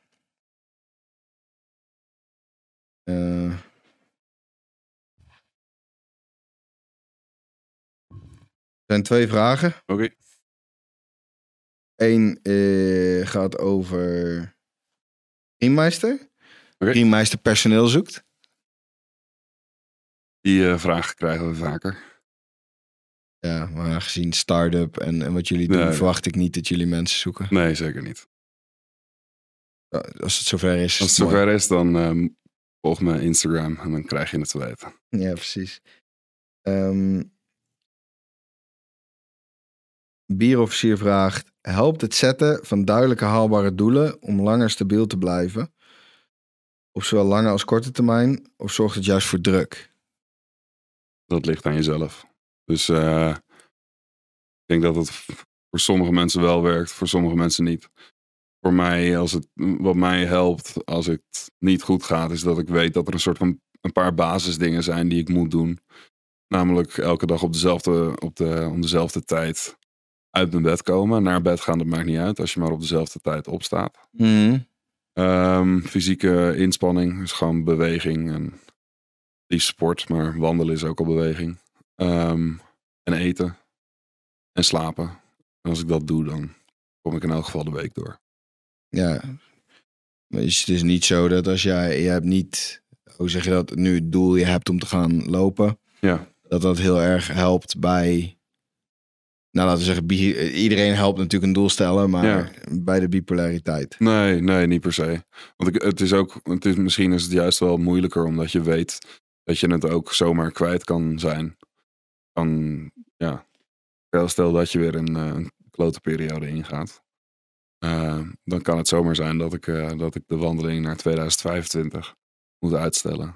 Wat voor mij makkelijk maakt, is dat ik weet dat dit kan gebeuren. Dus als dat gebeurt, dan is het maar zo. Ehm, maar ja, doelen stellen is juist misschien wel een beetje lastig geworden. Maar ja, nee, oké, het is lastig geworden, maar eh, het heeft geen eh, directe eh, hoe zeg je, ehm, er is geen directe correlatie tussen eh, jouw doelen stellen en bipolair zijn. Als het gaat om dat het een druk voor je vormt of dat het je juist een doel geeft waardoor je er. Ja, het ligt er een beetje aan. Het ligt er goed, dat is op zich wel een goede, maar het ligt eraan wie de doelen stelt. Dus als ik de doelen zelf stel, dan mag ik ze ook zelf bijstellen. Ja, Dus dan is, er, dan is het eigenlijk goed. Als het dan lukt, dan ben ik blij met mezelf, bla bla. Maar als iemand anders een doel stelt, ja, dan moet het. En dan wordt het wel lastig. ja, ja precies. Dan wordt het vervelende Ja. druk. Ja, precies. Eh, eh, ik zit even te kijken of er nog vragen zijn. Verder. Mhm. Want voor mij is dit duidelijk dat daar dus geen link tussen zit. Buiten. eh, nee, top. Voor, voor bierofficier is het antwoord duidelijk op wat je. eh, Fijn. vraag die, eh, die gesteld werd. Ik zit verder nog even te kijken. Heeft Joost vragen aan ons? Eh, Oeh, eh, wat? Je hebt geen idee wat je zou moeten vragen? Nee, wel, want de, ik wist la, net niet wat, wat misverstanden voor. Wat zijn jullie gedachten bij iemand met een bipolaire stoornis? Ik zal proberen niet beledigd te zijn. Lukt ook wel, denk ik. Ja, ja, ja, ja, ja, precies. Ik moet even niezen, sorry. ja, ga je gang. Op die? Lampen genoeg in om in te kijken. Zit er die bakken licht hier recht voor. Niet ver te kijken. Ehm, de vraag dus andersom is aan jullie, wat, Wat is jullie standaardbeeld van... Ja. Van, een, van bipolair. Wat, wat denken jullie dat daarbij hoort?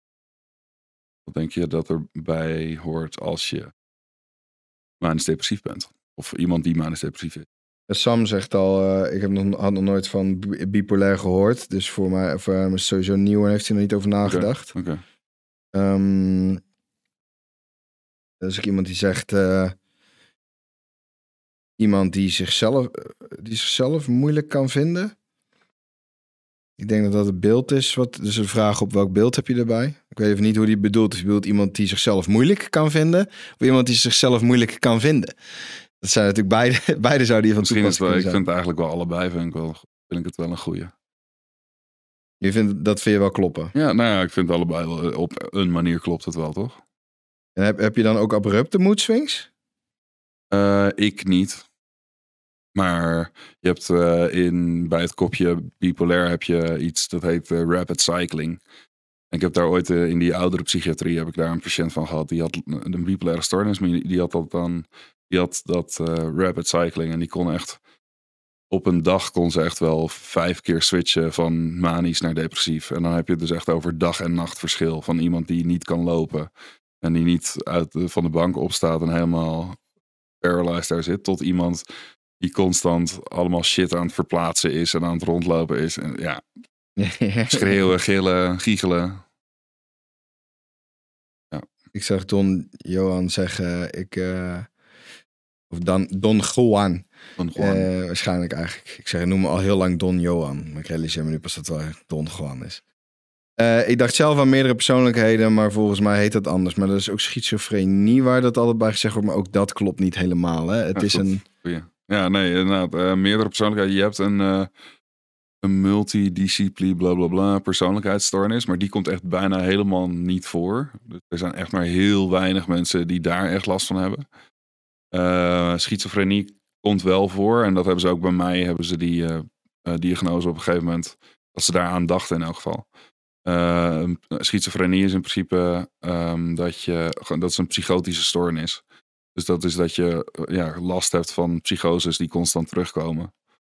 Ehm, dus, maar, maar dat ja, meerdere persoonlijkheden, dat, dat was een beetje het plaatje wat we heel lang geleden hadden bij Ja, dit soort dingen. Ook, ouderwets beeld eigenlijk. hè? ja. Meestal. Ja, dus inderdaad een ouderwets beeld. Dus het oude, oude boek van psychiatrie. Ehm, maar dat, nee, die klopt niet echt. Je zou kunnen zeggen, meerdere personen. Ja, er, er, er, is een, er is een ongelukkige persoonlijkheid en een hele iets te gelukkige persoonlijkheid. Maar dat Nou is ja, niet wat hier bedoeld wordt. Nee, en je ziet ook dat mensen eigenlijk wat ze zeggen is, weet je, ik ben wel eens depressief eh, geweest, maar dat het ook anders voelt voor hun wat jij beschrijft dan wat zij Ja. daar, ehm, daarin zitten. Depressief zijn, eh, zijn is gewoon kut hoor. Maar er zijn wel, er zitten gewoon een paar, en een paar niveaus waar je in kan zitten. En je moet zorgen dat je niet op het laagste niveau zit. Ja, precies. Ja, en als je ook in een depressie zit, wat veel mensen natuurlijk ook vergeten, is dat het uitzichtloos oogt. Ja. Ondanks dat je heel vaak gewoon er wel weer uitkomt. Mhm. Als je erin zit, voelt dat niet meer zo. Nee. Het klassieke licht aan het eind van de tunnel is er niet. Ja, voor, voor sommige mensen is het ook uitzichtloos. Maar dat, ja, dat is lang niet altijd zo. En over het algemeen is het gewoon een symptoom. Je komt er namelijk wel weer uit. Alleen. Het probleem is dat je op dat moment kijk je alleen maar naar. Je weet, tenminste voor mij geldt het dan. Ik weet dan dat er inderdaad mensen zijn waar, voor, voor wie het niet overgaat. Ja, ja, ja. En dan denk je van oké, nou, dat ben ik dus. Zo is het. Zoiets is het. 2% gaat niet over. Ah shit, ik hoor bij de 2%. Oh, eh, ook- Halen. Dit is een super cruciale vraag van eh, Jorn. Uh-oh. Jorn? Als ik spacepannenkoeken bak, kan ik daar, kan ik daar ook gewoon kaas en spek in doen?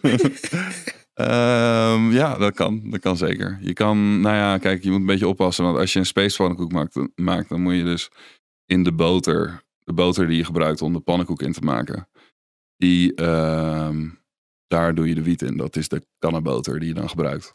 Alleen omdat je ook nog spek gebruikt, is dat misschien een beetje lastig. Dat is misschien een beetje te veel vet, eh Jorn. Nee, raak je tijdens de psychose ook echt de controle kwijt? Ehm, Eh, je raakt de controle over jezelf. Je, zeg maar, je bestuurt jezelf nog steeds. Alleen je bent wel de controle over de werkelijkheid kwijt. ga je dan ook automatisch, ja, hoe zeg je dat, verantwoordelijkheden ontlopen en dat soort dingen? Want verantwoordelijkheden zijn al lang niet meer maar, relevant. Die bestaan al niet meer. Ja. Dus eigenlijk word je een soort egocentrisch. Ja, nee, maar eh, dat is niet meer, zeg maar... Dat is niet meer een optie, zeg maar. Dat is... Je bent... Is niet meer dat je denkt aan je verantwoordelijkheden. Als je zo iemand mee zal maken, dan is het ook niet zo van... Oh, heb, heb je nog wel aan je verantwoordelijkheden gedacht? Het is gewoon... Heb naar binnen jij. Heb, Nee. Ehm Jorn is wel licht teleurgesteld dat hij waarschijnlijk niet met spek kan werken. Oei. Nou ja, het kan wel. Ehm, maar ja, dan heb je gewoon een beetje veel. Je kan ook gewoon een kaaspannenkoek, een space, kaas, space kaaspannenkoek. En zeg maar, nu heb ik een hele belangrijke vervolgvraag. Oh, Wat als ik de spek er gewoon later opleg? dan is het goed. Dit is die, Dan is het goed. diepte interview hier. nee, maar even ehm, serieus dan nog. Zijn er serieus nog vragen daarover? Want we gaan al de, eh, de flauwe kant op, wat natuurlijk helemaal, helemaal prima is. Want het moet ook zo meteen, hè, dat hebben we ook gezegd, het moet de upnote eindigen, dit soort dingen. Ja. Maar het is interessant. Ehm, zijn er nog gewoon inhoudelijke vragen? Oh ja, dit is op zich ook wel een grappige. Ehm, nog tips voor het legaal groeien van wietplantje? Eh, heb niet echt groene vingers. Don't get caught. Maar met legaal wietplanten don't Ja, get dat caught? is, ja. Maar die plantjes, dat lukt wel. Ja, Zorg maar dat je niet gepakt wordt. hoezo? Omdat dat is de manier waarop je je planten gaat verneuken. Zeg maar, je moet zorgen dat andere mensen ze niet zien. Maar je moet vooral zorgen ook dat, dat de politie er op geen manier ja, ze kan zien vanaf waar ze dan ook kijken. Eigenlijk is het heel krom, hè? Het is ook heel krom. Dat is heel krom. Eh, Maar, en de plantjes op zelf, weet je. eh, zorg voor veel zon. iemen binnen. Ergens eind, eh, eind april of zo. Half april. Iemen binnen. Naar buiten in één keer in de pot. En niet te veel water. En ook niet te weinig. Kom je er wel.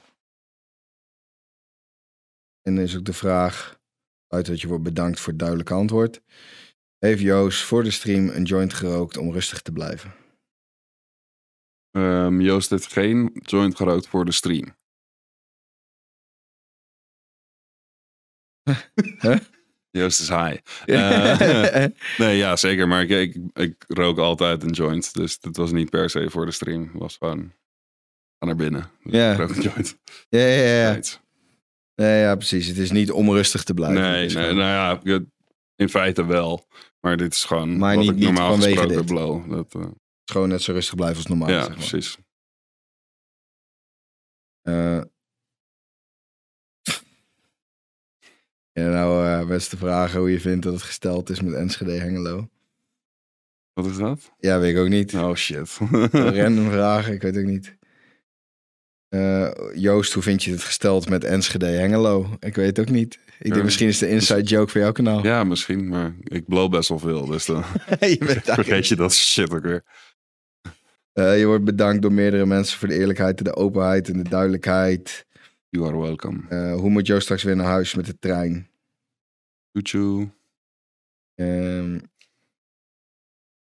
of, je, of je je gimbal hebt laten zien. Oh nee, nog niet. Waar heb ik hem? Wacht.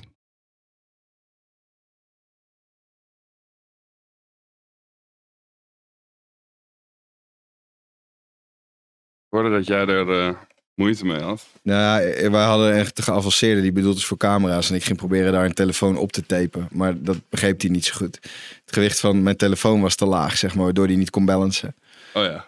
Gaat hij zo Oh. trillen. Ik heb dat dus ook. Ik had het later had ik hier. Deze gaat toevallig net precies goed bij die van mij. Ja, Maar ik had eh, de telefoon van een maatje van mij. Groter is. Die eh, helemaal bad. Begon het ding opeens heel erg te hangen. Maar deze is AliExpress. en hoe lang doe je met de batterij? Acht uur. Best wel netjes. Ja. Knap als het goed werkt. Nee, wij hebben die van die DJI dingen. Dus die eh, heel fancy pansy. En kan je helemaal mee rondslingeren als je het goed doet. Maar ik kreeg het niet goed gedaan. en toen had ik alles... Dat, het op. het was uiteindelijk gelukt. Toen had ik hem er, omdat ik hem moest mounten, kon ik wel even VVS erop mounten. Ja. Het, blijkbaar laat Twitch niet live gaan met VVS. Dus eh, heb ik zitten huilen. Oh, een uur shit. lang de boel aan de praat. Had ik dan, en toen kwam ik er later achter dat met Streamlabs of met Stream Elements app wel VVS had kunnen starten. Maar toen had ik de boel weer afgebroken. Dus dat was goed. Huh? Nice. In ieder geval Joost, tot zover hier bedankt. Yes. Dan gaan we voor de rest gewoon doen wat wij normaal doen. Is als eh steltje doelloze debielen streamen.